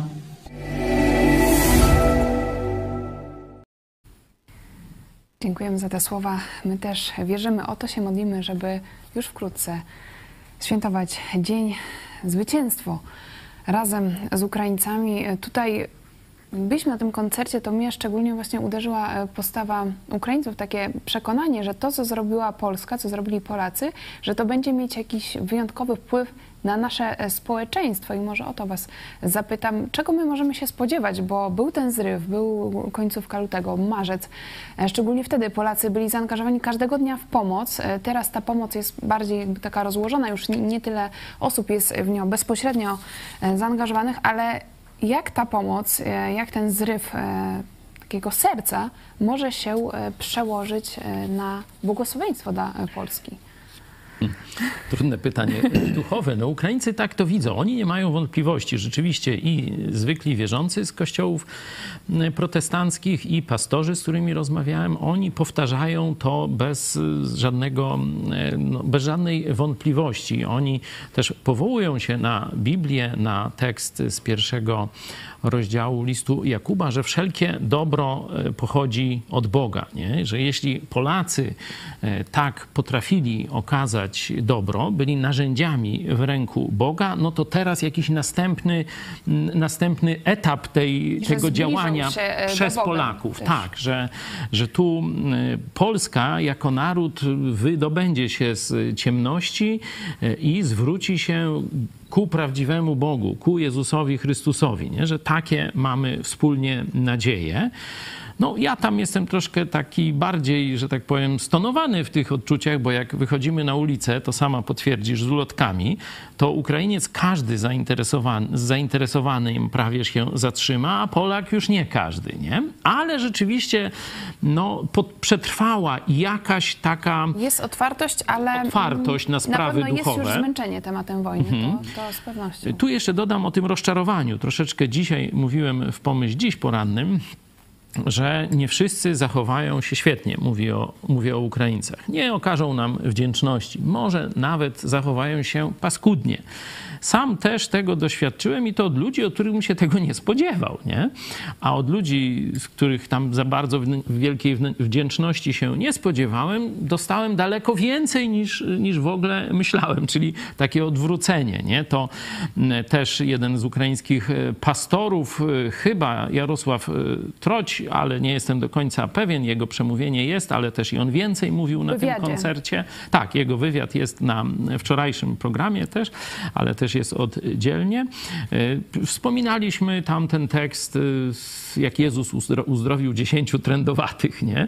I tylko jeden mu podziękował. Także e, na pewno to na tym koncercie tego takiego słowa agape, to właśnie taką miłość okazał nam Bóg. Kiedy my byliśmy Jego wrogami, kiedy byliśmy grzesznikami, kiedy można powiedzieć odwracaliśmy się, bluźniliśmy Bogu, to list do Rzymian o tym mówi, wtedy Bóg posłał, posłał swego jednorodzonego syna, aby umarł zamiast nas. Chrystus przyszedł umrzeć za ciebie i za mnie, kiedy my byliśmy jego wrogami. Nie? Czyli miłość agape to jest miłość, która czyni dobro, poświęca się dla drugiego człowieka, nie patrząc na korzyści, nie patrząc na nagrodę, patrząc na dobro, potrzebę tego człowieka, któremu pomaga. Czyli my się koncentrujmy na tym. Jest potrzeba, jest to słuszna potrzeba, Możemy pomóc, chcemy pomóc, pomagamy. Będzie wdzięczność, dobrze. Nie będzie, też przetrwamy. Czyli miłość poświęcająca się, nie oczekująca niczego w zamian. To jest oczywiście postawa trudna. To jest, można powiedzieć, no, jedna z najwyższych cnót chrześcijańskich. Nie? Ja o tym mówię. politycznej też no, jesteśmy tego świadomi, że Ja wspieramy tym- Ukrainę, wspieramy tak naprawdę też siebie. Tak, ale to zaraz, no bo to tam ten interes geopolityczny czy tego to jest inna rzecz. My musimy się przygotować właśnie, mówię szczególnie do chrześcijan, wielu naszych widzów to chrześcijanie biblijni, że mamy po, postępować tak, bo tak jest słusznie, bo tak trzeba, bo to jest dobre, a nie, że będzie wdzięczność. Nie? Jeśli uzbroimy się w taką, można powiedzieć, zbroję, to przetrwamy niewdzięczność niektórych też przecież złych Ukraińców, czy jakichś tam słabych, czy, y, czy tam jakichś innych. Nie? To to jest taka z mojej strony no, taka recepta, jak robić z takim samym oddaniem i przekonaniem to, co trzeba, nieza, niezależnie od tego, czy ktoś ci okaże wdzięczność, a nawet wtedy, kiedy ci okaże niewdzięczność. No. Tutaj dużą zachętą dla nas był Mikołaj Rykowski. Wkrótce wywiad z nim w naszej telewizji. Prezes Fundacji Wolne Miejsce, który jest zaangażowany w pomoc e, samotnym. Teraz również w pomoc codzienną na granicy z Ukrainą. I on powiedział, że dla niego takim kluczowym momentem w życiu był wypadek, kiedy no, zetknął się z śmiercią w oko w oko i pomyślał, e, co ja po Bogu powiem, co ja Bogu pokażę wartościowego ze swego życia. No i e, doszedł do smutnego wniosku, że nie ma tak naprawdę nic wartościowego Bogu do pokazania i to był dla niego taki moment decyzji, że jeśli odzyska życie, zyska tą drugą szansę, będzie chciał poświęcić swoje życie w służbie ludziom, pomocy. I to też widać w jego działaniu, że on no, nie liczy na, tak naprawdę na wdzięczność tych ludzi, tylko po prostu pomaga, bo tak chce, bo tak zdecydował. Tu właśnie trzymam w ręku e, książkę, gdzie wolontariusze z e, Fundacji Wolne Miejsce, a właśnie Mikołaj Mikołaj jako pierwszy swoje świadectwo i więcej na temat tego wypadku, tej zmiany, co później nastąpiło, jaką rolę Bóg odegrał, czy poszedł podziękować na kolanach do Częstochowy, jak mu tam katolicy radzili, e, to wszystko znajdziecie w tej książce. Ja już więcej nie mam, dostałem kilka, ale tu już, mm, że tak powiem, jakiś czas temu ogłosiłem, kto chce, no to się zaraz zgłosili ludzie, już rozdałem te książki, ale napiszcie na adres tej fundacji Wolne Miejsce. Myślę, że na pewno wam przyślą. Też na Facebooku e, Wolne Miejsce. To jeszcze chwilę wróćmy do tego e, pytania, jaki e, pozytyw może być na trwałe w polskim społeczeństwie, który może wynikać z tej pomocy Ukrainie w czasie wojny? Ja bym w swoim, tak jak może być ze swojego przykładu, też trochę odwrócił sytuację, bo rzeczywiście powinniśmy robić to dobro, dlatego że jest to słuszne nie oczekując na wdzięczność, chociaż myślę, że doświadczymy wdzięczności ukraińskiej w stopniu pewnie przewyższającym nasze oczekiwania. Ja tak myślę, że będzie. Myślę, że dlatego, że pomogliśmy im naprawdę w wielkiej biedzie i pomagamy, tak? I oni są tego świadomi. Ale myślę, że właśnie to uświadomienie sobie przez nas, że oni walczą za nas, to w Polakach wzbudzi, powinno też wzbudzić taką wdzięczność dla nich. Nie? I w tym momencie naprawdę łatwiej jest pomagać i łatwiej jest kochać tych ludzi, kiedy, kiedy jesteśmy, kiedy naprawdę możemy być im wdzięczni, tak? Że oni walczą za wolność naszą i waszą, prawda? To jest to. I myślę, że uświadomienie sobie tego faktu to jest coś, mm, coś wielkiego i coś, co pomoże też w takim długodystansowym marszu razem z nimi. Ja y, jestem osobą, która była w Ukrainie kilkadziesiąt lat temu. Jak byłem małym dzieckiem, to tam raz byłem przejazdem chyba w Ukrainie. I mimo, iż naprawdę mamy przecież blisko, no, od nas można w godzinę dojechać tam, nie? Jak się tam dobrze postarać, to nigdy się tam nie wybrałem, nawet w jakichś tam celach, nie wiem, powiedzmy turystycznym i tak dalej, no bo gdzieś zawsze była ta, ta przeszłość, nie? I te, te, których osobiście nie doświadczyłem przecież tragedii wołyńskiej i tak dalej, ale czy Lwowa, yy, straty Lwowa przez Polskę, który przecież zawsze był polskim miastem, no ale ta przeszłość gdzieś tam ciążyła na tych naszych stosunkach. Był cień. I ja to cień. I ja to nawet tym naszym nowym przyjaciołom ukraińskim niejednokrotnie mówiłem. Była ta przeszłość między nami, ale to, co się teraz wydarzyło, że napadł na was nasz wspólny odwieczny wróg i wy bronicie się dzielnie i bronicie też, można powiedzieć, nas przed tym wrogiem, to jest e, coś tak niesamowitego, że tę przeszłość, która była, wiecie, no 80 lat temu, 100 lat temu, e, naprawdę nie ma co do niej wracać na zasadzie roz, rozjątrzania tych ran, prawda? Owszem, myślę, że przyjdzie czas na ocenę tego na zasadzie historycznej i na jakieś takie wyrażenie żalu. No przecież nie, e, można powiedzieć, przeproszenia za samych siebie, no bo... To nie oni. To nie oni, no nie? To ich dziadowie i tak dalej. Natomiast no oni no, mieli tych swoich e, idolów, tak? Mieli, tam wielu Ukraińców czciło przecież Banderę i tak dalej. Ta wojna myślę, że doprowadzi do tego, że nie będą już musieli mieć tych idolów sprzed lat 80 czy 100, tylko będą mieli nowych idolów. Załęckiego, Założnego. Wyspy Węży. Dokładnie. Tych, którzy oddawali swoje życie, wysadzają most, prawda, czy oddawali swoje życie e, chroniąc ewakuację swoich towarzyszy bojów. Także będą mieli nowych idoli i na, myślę, że nowa państwowość ukraińska to jest nowy naród zbudowany będzie na nowych idolach, na nowych bohaterach. Nie na tych sprzed 80 lat, którzy owszem, dla nich byli idolami, ale mieli splamione ręce polską krwią, prawda? To, co dla nas było nie do przyjęcia. Także myślę, że przyjdzie czas po zwycięstwie, na historyczne osądzenie, czy jakieś ocenienie, prawda? Nie osądzenie, ocenienie. Tak, to było złe między naszymi narodami, no ale przecież my też o tym mówiliśmy w naszej telewizji. Owszem, tam były takie podjudzania, nacjonalizmy, trochę podobnie jak w Rwandzie i tak dalej, doprowadziły do tej tragedii wołyńskiej, ale Polacy, powiedzmy sobie to szczerze, nie byli tam bez winy. Polacy traktowali tych Ukraińców, którzy no, byli u siebie i chcieli mieć państwowość, oni ich traktowali z buta często, prawda? Oni ich traktowali jak pod ludzi trochę, jak niewolników, wykorzystywali, nie dawali szans na jakiś awans społeczny. No taka była wtedy rzeczywistość, niestety.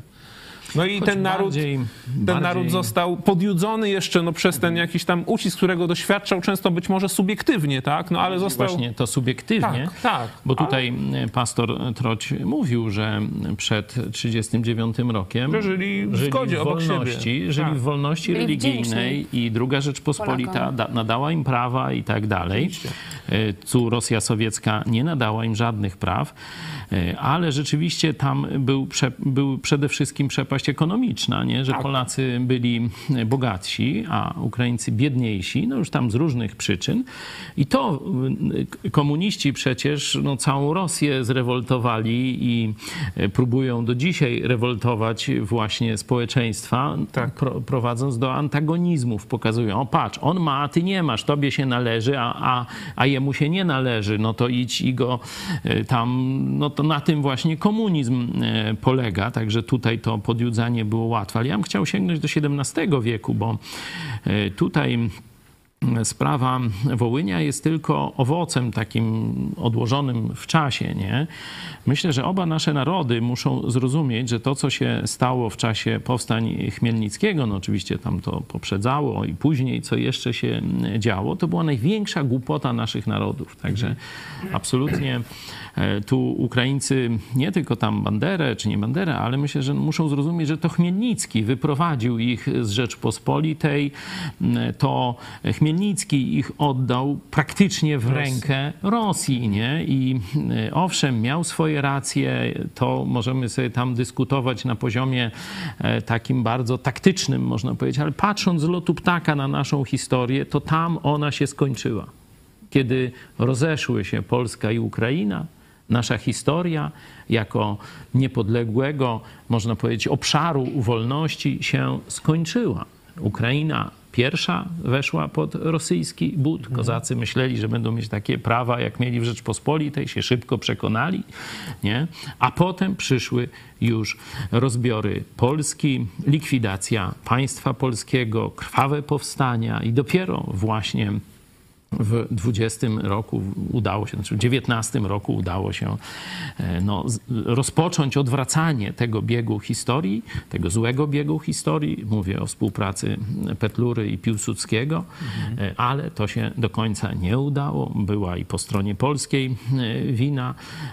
Tu przede wszystkim te środowiska katolicko-narodowe nie chciały takiej wielkiej znowu Rzeczpospolitej, bo bali się, że katolicy będą wtedy w mniejszości, no różne jakieś takie tam mieli, czy, czy Moskwa ich tam, e, bo kto by to tak głupio myślał, nie, nie, ale to, to tak myśleli, tak, naprawdę, tak. nie? I, I to pisali w tych gazecinach swoich, szmatławcach różnych i tak psuli polską krew, psuli mądrość Polaków, także to, co mówiłem na początku, czego bym sobie życzył, zwycięstwa nad głupotą w nas. Bo jeśli my będziemy mądrzy, to żaden kacap ani Germaniec nam nie podskoczy.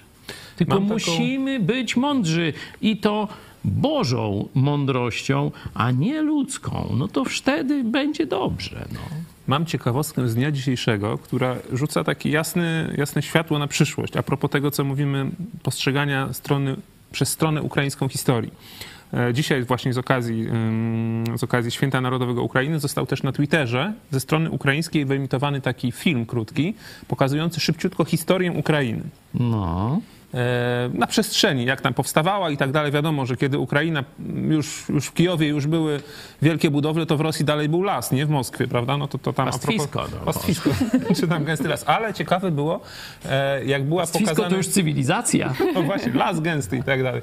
Ciekawy był moment, kiedy była właśnie przedstawiona w tej grafice, bo to tak jak mapa Ukrainy i co się tam działo na przestrzeni wieków właśnie przedstawienie Unii Polsko-Litewskiej, która obejmowała swoim terenem dużą część dzisiejszej Ukrainy, zostało opisane jednym słowem: wasted.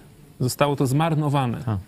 Czyli zobaczcie, jaką oni dzisiaj mają perspektywę, mhm. że owszem, Order Bogdana Chmielnickiego jest, jest, nie wiem, czy nie najważniejszym odznaczeniem i pewnie będzie e, w, w, Ukrainie, prawda? A może jakiś nowy order będzie, no ale historycznie, coś lepszego. historycznie, e, historycznie jest, no nie? I, I to też nie chodzi o to, żeby oni burzyli pomniki e, Chmielnickiego i tak dalej. No, też mają prawo oceny swojej historii, ale pokazuje, że, że właśnie zaczynają oceniać ten na przykład, ten czas XVI czy XVII wieku że to był, była zmarnowana szansa. Oni już to też zaczynają widzieć, bo to z oficjalnych, już nie, nie pamiętam kto to, czy sztab generalny, czy powiedzmy ministerstwo, w każdym razie... To no prezydent był- Zełenski na swoim Twitterze. to Być może. Z, te, z Być tego może. też, e, co mówicie, no, przychodzi taka refleksja, że zarówno Polska, jak i Ukraina, no, obydwie strony dojrzewają do, Tak. e, do tego sojuszu i że my, to jest niesamowite, że my możemy teraz w XXI wieku I tu napisać chwała, chwała na naszemu historię. narodowi, że ruszył do pomocy Ukrainie bez, żadnego, warun- bez żadnych Tak, warunków wstępnych 24 lutego.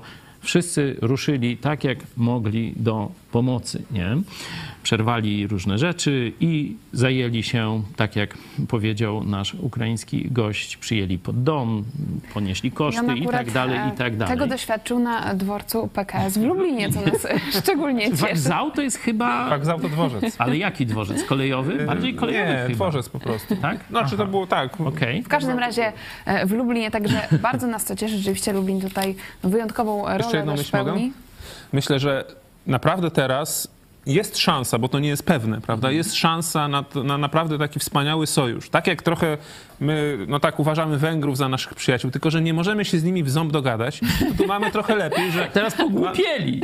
No, pogłupieli. Pogłupieli to już badania opinii Tak, publicznej. nie wiem. tylko Tragedia. tam, no, no, tragedia, tam jakoś chyba 3% to mądrych zostało. No. Normalnie. W drugą stronę. Trzeba się modlić. W każdym razie z Ukraińcami mamy szansę na taki sojusz, bo rzeczywiście mamy większe takie też braterstwo em, Kulturowe. kulturowe. No, nie? Żyliśmy w jednym państwie, język nie? Także to, podobny. to może być coś wspaniałego. Barszcz taki sam, tylko się nazywa raz tak, raz śmak. Coś wspaniałego może Ukrainie. czekać nasze narody i trzeba y, dbać o to, pielęgnować. I teraz zobaczcie właśnie, co doprowadziło do tych wielu tragedii. Często to była właśnie wraża propaganda komunistyczna i tak dalej. A, I albo carska wcześniej, Tak, albo carska, no nie? tak. Teraz dalej ta, ta hydra propagandy podnosi łeb, nie? Tam przecież co rusz się trafiają jacyś. Powinniśmy ten łeb odrąbywać i pilnować, żeby po prostu nie było takich czynników, prawdą. które będą jątrzyły, tylko mówić prawdę. Dokładnie, bo prawda zwycięży, nie?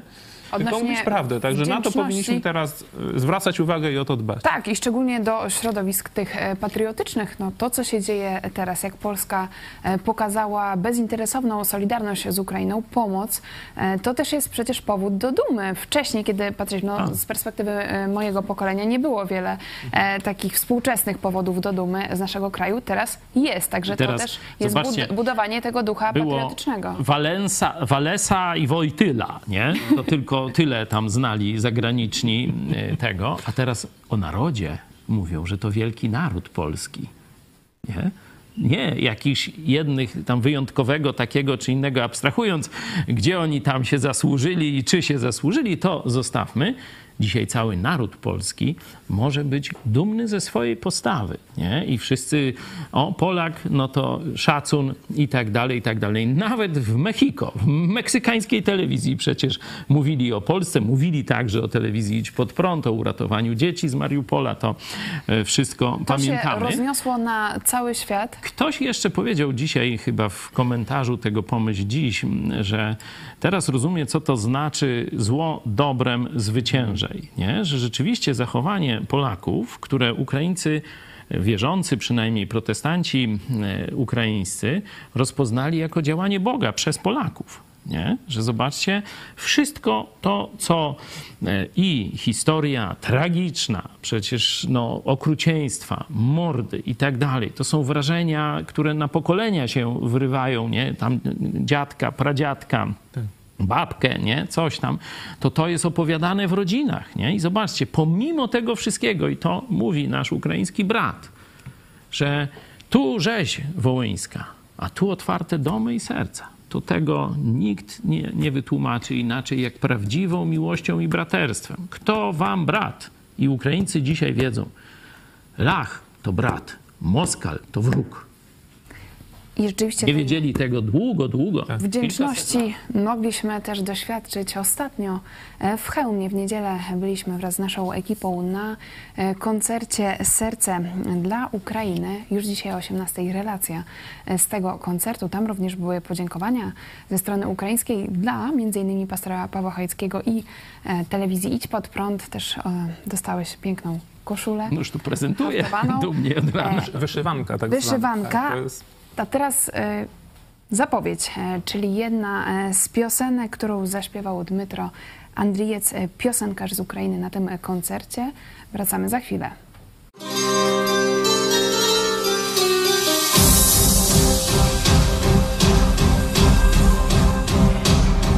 Це мій дім, не шукай щастя в іншій землі. Тут висока зоря у небес на чолі. Це земля Україна, роду рідного краю. Збережи, захисти, сил небесних додай. Зазвучить рідна мова, наче Божа струна. Хай пісні сердець озоветься вона,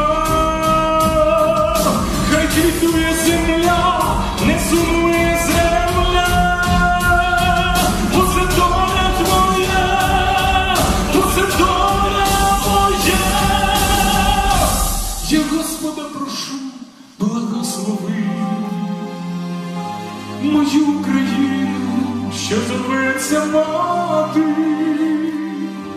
щоб стало сила в битвах устояти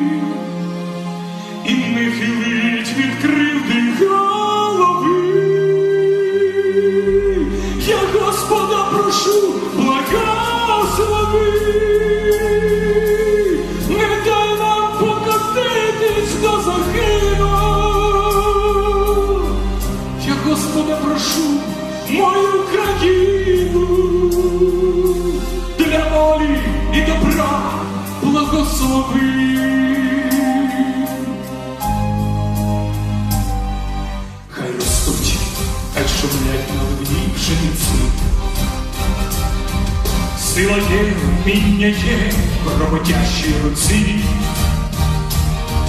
Треба тільки добру засівати навкруг, щоб не рила неправда кам'янистих яру. Хай притихнуть навік проти Бога воді. Просить рідна земля, а не діти її. Від її золотого а матір одна, і Україна одна. Я Господа прошу, благослови мою країну, що зоветься мати, щоб стало силою sueño a.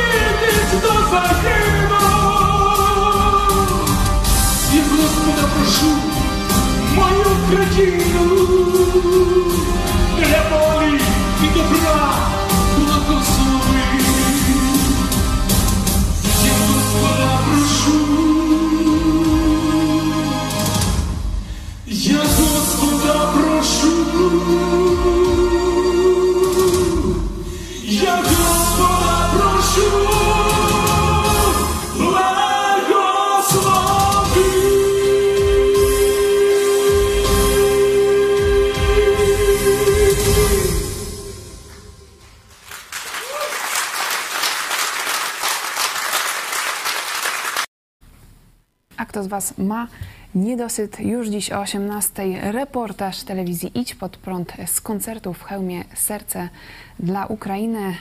Koncert był pod e, patronatem ukraińskiej ambasady w Polsce.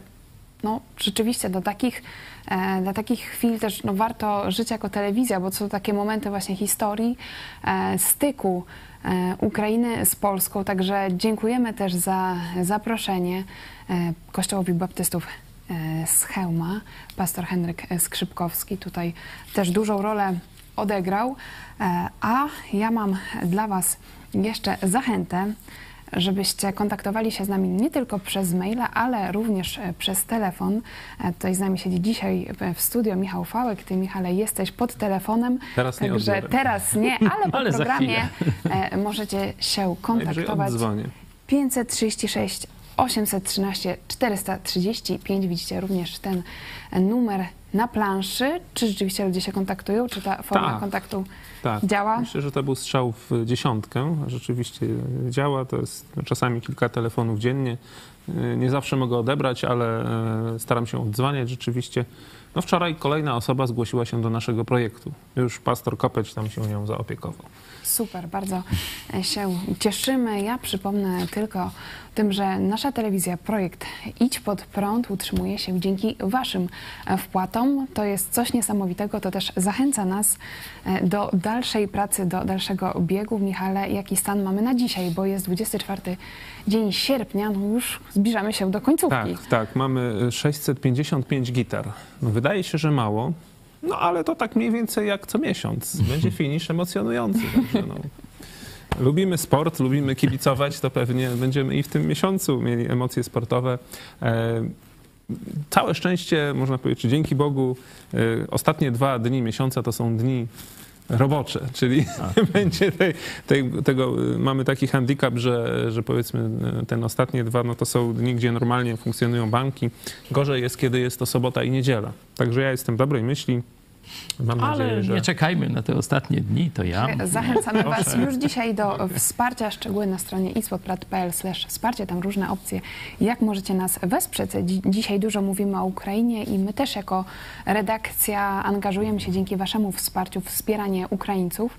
E, Teraz e, zdaje się na froncie jest e, Dima, misjonarz Campus Crusade, który jeździ tam e, przede wszystkim z pomocą dla żołnierzy. Także tutaj I zawsze możecie... przyjeżdża do Lublina i na pełno stąd wyjeżdża dzięki właśnie możliwościom finansowym, które mamy dzięki Wam. Czyli pamiętajcie, że każda Wasza wpłata to jest zwiększenie naszych zdolności działania.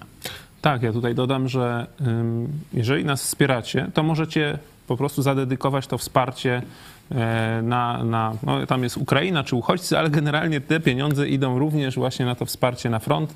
Em, Także oprócz wsparcia telewizji prosimy Was o dodatkowe wsparcie e, dla walczącej Ukrainy. Nie zostanie ono zmarnowane. Naprawdę to są bardzo potrzebne e, tym dzielnym żołnierzom rzeczy, które są kupowane. Nie wysyłamy broni, ale przecież żołnierz potrzebuje nie tylko broni, nie?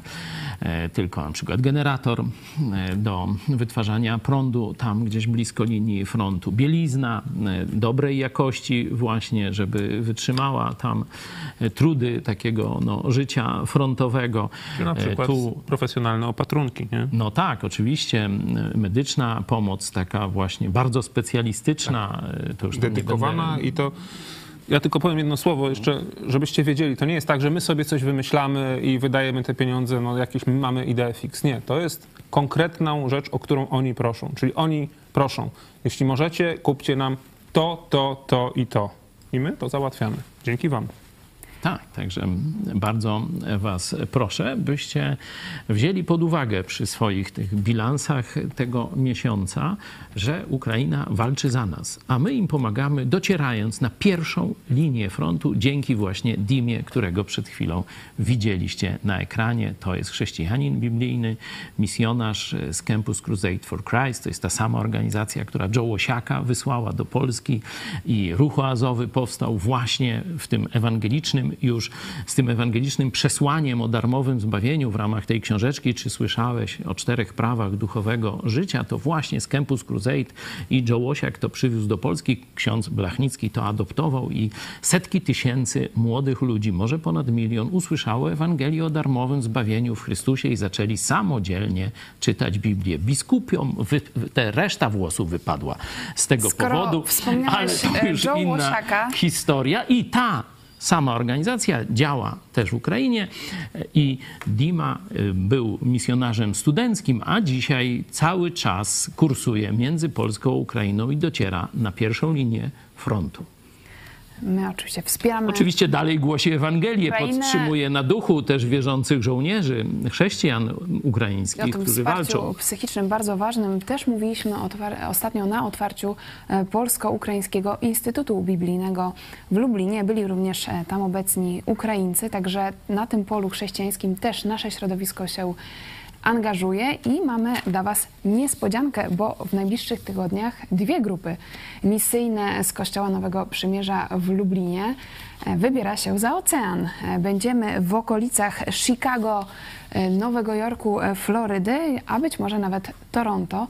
Także jeśli jesteście z tych terenów i chcecie się z nami spotkać, piszcie na adres kontaktmałpa.itspodprat.pl. Można również do nas dzwonić, także pierwsza połowa września i później pierwsza e, połowa października. Czekamy na Wasze zgłoszenia. Bo tu e, porównywaliśmy z pastorami polskimi, ukraińskimi e, no, stan duchowy mm, diaspory ukraińskiej, jak oni są zorganizowani, jak tam działają kościoły protestanckie em, różnych wyznań. No, my akurat śledziliśmy te baptystycznego kręgu e, w Stanach Zjednoczonych i Kanadzie i jak działają polskie. I to jest przepaść. Podobnie jak przepaść jest między y, stanem ewangelizacji i rozwoju chrześcijaństwa biblijnego pomiędzy Ukrainą a Polską, to tak samo jest wśród Polonii e, w zestawieniu z diasporą ukraińską. Także czas na to, by to poprawić.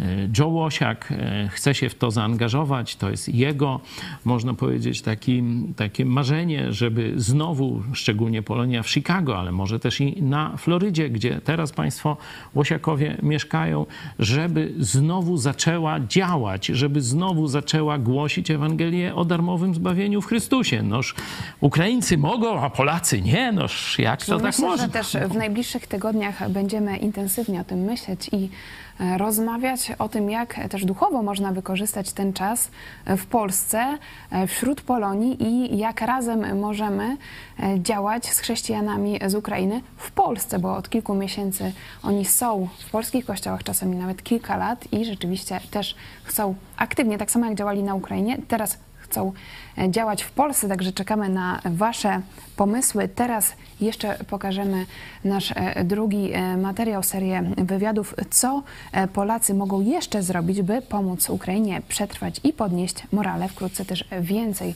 e, w dogrywce Idź pod prąd, e, potem Pomyśl dziś pastora Chojeckiego i e, kartka z kalendarza Piotra Setkowicza. Oczywiście zapraszamy Was na 18. reportaż z koncertu Serce dla Ukrainy, a to było wydanie specjalne programu Idź pod prąd na żywo w Dzień Niepodległości Ukrainy. Dziękuję za uwagę. E, Był z nami Michał Fałek. Dziękuję Ci serdecznie. Dużo dziękuję. I pastor Paweł Chojecki. Dziękuję bardzo i do zobaczenia. Dziękujemy Wam za Wasz czas. Do zobaczenia. A co Polacy, co Polska może jeszcze zrobić, żeby pomóc narodowi ukraińskiemu? Що хотілося б сказати, е, е, ще побажати полякам. Pragnąłbym, aby Polacy po prostu zaufali Ukraińcom. Хотів би, щоб просто довіряли українцям, щоб українці можуть себе зарадити. Ukraińcy mogą zarobić na siebie. Просто дайте можливість довіряти. Zaufaj im, Е, Тому що були такі випадки, коли bo zdarzały się przypadki, że Polak nie chciał zatrudnić Ukraińca, bo może gdzieś miał jakieś złe doświadczenia, były jakieś problemy.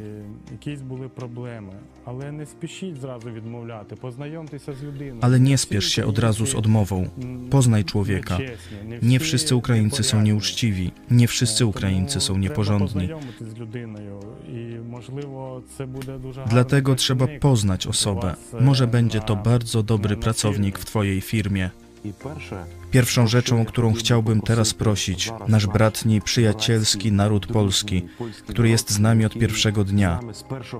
Nieustannie módlcie się za Ukraińców. A po drugie, jeśli jest taka możliwość, pomagajcie Ukraińcom, którzy przyjeżdżają do Was i Ukraińcom potrzebującym pomocy humanitarnej w Ukrainie. wsparcie uchodźców. Olbrzymia większość z nich, ponad 90%, mieszka w prywatnych mieszkaniach, mieszka w domach, została zaproszona do domów przez mieszkańców naszego miasta. Podobna jest sytuacja w całej Polsce. a więc wyciągnięcie ręki, a więc solidarność z tymi, którzy są w dramatycznej potrzebie, jest pierwszym, co robimy i co możemy zrobić. I jeżeli żyjemy wspólnie koło siebie na tym terenie, powinniśmy się dobrze rozumieć, powinniśmy się nauczyć współpracować i myśleć o przyszłości, a nie tylko przyszłości. Polska zrobiła bardzo dużo, na pewno najwięcej w Europie, myślę, że nawet na świecie. I co najciekawsze, po 178 dniach wojny wy ciągle macie siłę. Wasze ręce nie poddały się. Polacy wciąż pomagają Ukraińcom. A dla mnie to cud większy niż wojna bo Bóg włożył to w serca Polaków, aby otworzyli swoje serca do pomocy. Dlatego mogę tylko dziękować Polsce i dziękować Bogu za to, że otworzył serca polskich chrześcijan na Ukraińców. To, co chcielibyśmy jeszcze rozwinąć, to wdzięczność Ukraińców dla Polaków za całą pomoc i wsparcie, jakie daliście nam w czasie wojny. To prawda, że prawdziwych przyjaciół poznaje się w biedzie, ale wy jesteście dla nas więcej niż przyjaciółmi. Wyciągnęliście do nas rękę, kiedy to było najbardziej potrzebne i zawsze będziemy to pamiętać. Mamy robić to, co robimy, czyli właśnie być e, dobrymi sąsiadami. E, każdy z nas wie, że kiedy sąsiadowi pali się dom, to nie jest czas na rozliczanie, to nie jest czas na dyskusję, to jest czas na pomoc, na ratowanie. I my to robimy. Na dzień dzisiejszy, od samego początku wojny i do dzisiaj, myślę, że nasz naród y, to zdaje na szóstkę z plusem. Dzisiaj mamy wspaniałą okazję pomóc bliźniemu. Ja myślę, że ta, każdy, kto biblijnie patrzy na, na drugiego człowieka, to wie, że to jest ten moment, kiedy właśnie być może jesteśmy w jakiejś próbie. Być może Pan Bóg nas ustawił w takiej sytuacji, aby zobaczyć, jak zachowamy się względem drugiego potrzebującego człowieka. Korzystajcie z tych źródeł, e, które uznajecie za wiarygodne i wspierajcie te, te, te różne organizacje, kościoły, fundacje e, i pomagajmy dalej Ukraińcom. Dlatego, że uważam, że, że po prostu będzie naszym grzechem, jeżeli zgodzimy się na to, żeby starzy ludzie w zimie umierali z głodu, czy nie mieli czym się najeść albo czym, czym się odziać. Prawda Ewangelii mówi, że chrześcijanie jak widzą, że, że ktoś potrzebuje ubrania, to to ubranie powinni dać, podzielić się, a jak widzą, że ktoś jest głodny, to powinni podzielić się tym posiłkiem, który mają. I, i ja odnoszę się do tych y, słów Chrystusa i, i Pisma Świętego, żeby tak robić. I w porównaniu z Ukraińcami jesteśmy dużo, dużo bardziej bogatsi. To prawda, że my mamy w Polsce e, inflację, e, nasz komfort życia i to bezpieczeństwo ekonomiczne e, jakby się obniża. Ale przez te moje wizyty na Ukrainie i kontakty, które mam, to zapewniam Państwa, że my żyjemy tutaj sobie, powiem kolokwialnie, jak u Pana Boga za piecem w porównaniu z milionami Ukraińców, którzy stracili domy, którzy dalej mieszkają, prawie że koczują w szkołach, e, salach kościelnych, piwnicach, którzy dalej żyją w strachu, bo nie wiedzą kiedy wrócą, nie wiadomo czy w ogóle będą mogli wrócić. W tysiącach miejscowości nie ma prądu, wody, kontaktu telefonicznego, a ludzie żyją.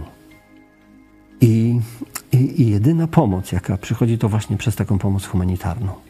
Tak, powinniśmy pomagać i jeszcze raz apeluję o tą pomoc. Dziś Dzień Niepodległości Ukrainy. Dlatego też chciałem pokusić się o takie spojrzenie z Bożej perspektywy na niepodległość Ukrainy, na niepodległość Polski i na przyszłość naszych narodów. Kilka dni temu pastor Jarosław Troć z Unii Baptystycznej z Wołynia powiedział bardzo mądre słowa że człowiek nie dał rady naprawić relacji polsko-ukraińskich. Ale to zrobił Bóg w lutym, w marcu i w następnych miesiącach bieżącego roku. Dzisiaj braterstwo jest niekwestionowane. Dzisiaj Ukraińcy wiedzą, kto jest ich prawdziwym przyjacielem, sprawdzonym w biedzie, w trudzie, w niebezpieczeństwie, a kto jest ich prawdziwym, odwiecznym wrogiem. Czyli, tak jak powiedział pastor Jarosław, e, mamy położony fundament. Tutaj analogię widzę do tego, co apostoł Paweł mówi o życiu chrześcijańskim w pierwszym liście do Koryntian w trzecim rozdziale. Mówi, że fundamentem, który pochodzi od Boga, w naszym życiu jest Jezus Chrystus. Zobaczmy jedenasty werset. Albowiem fundamentu innego nikt nie może założyć oprócz tego, który jest założony, a którym jest Jezus Chrystus. A czy ktoś na tym fundamencie wznosi budowę ze złota, srebra, drogich kamieni, z drzewa, siana, słomy? A to jest inna kwestia. Czyli Bóg dokonał przełamania. Bóg dał poczucie i świadomość braterstwa, wspólnej przyszłości. A teraz my na tym fundamencie każdego dnia musimy budować. Musimy uważać, żeby jakaś słoma, jakieś śmiecie nie zabrudziły tego obrazu. Będziemy doświadczać zniechęcenia, będą niektórzy Ukraińcy źli się zachowywać, będą Polacy się źli zachowywać, ale my musimy rozumieć, co Bóg w tej perspektywie historycznej zrobił dla naszych narodów i nie dać się zempchnąć z tego kursu budowania przyjaźni polsko-ukraińskiej i budowania wspólnej przyszłości bo nie ma innej przyszłości dla Polski i dla Ukrainy niż właśnie wspólne braterstwo.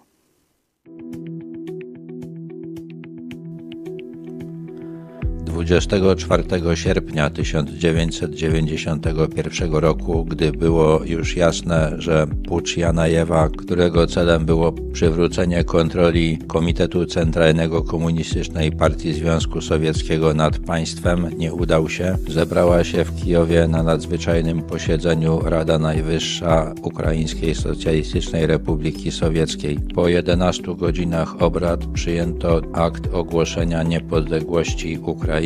Część posłów chciała, aby w ustawie zapisano, że przywraca się niepodległość Ukrainy, ponieważ Ukraińska Republika Ludowa ogłosiła niepodległość w styczniu 1918 roku, ale komunistyczna większość odrzuciła ten wniosek. Ustawa stwierdzała, że terytorium Ukrainy jest niepodzielne i nienaruszalne, a w Ukrainie obowiązuje wyłącznie konstytucja Ukrainy i ukraińskie ustawy. Tego dnia przyjęto też oświadczenie w sprawie ogłoszenia niepodległości, którego najważniejszym punktem było postanowienie o zorganizowaniu referendum republikańskiego w celu potwierdzenia deklaracji niepodległości 1 grudnia 1991 roku. Uchwalono też ustawę o formacjach wojskowych na Ukrainie. Ustawa podporządkowywała wszystkie jednostki stacjonujące w Ukrainie Radzie Najwyższej Ukrainy, tworzyła Ministerstwo Obrony Ukrainy zobowiązywała rząd do utworzenia Sił Zbrojnych Ukrainy, Gwardii Narodowej, czyli formacji wojskowej podporządkowanej Ministerstwu Spraw Wewnętrznych i jednostki bezpieczeństwa chroniącej Radę Najwyższą, rząd i Narodowy Bank Ukrainy. Referendum republikańskie odbyło się, jak zapowiadano, 1 grudnia i zatwierdziło deklarację niepodległości przygniatającą większością głosów. Tego samego dnia odbyły się wybory prezydenckie.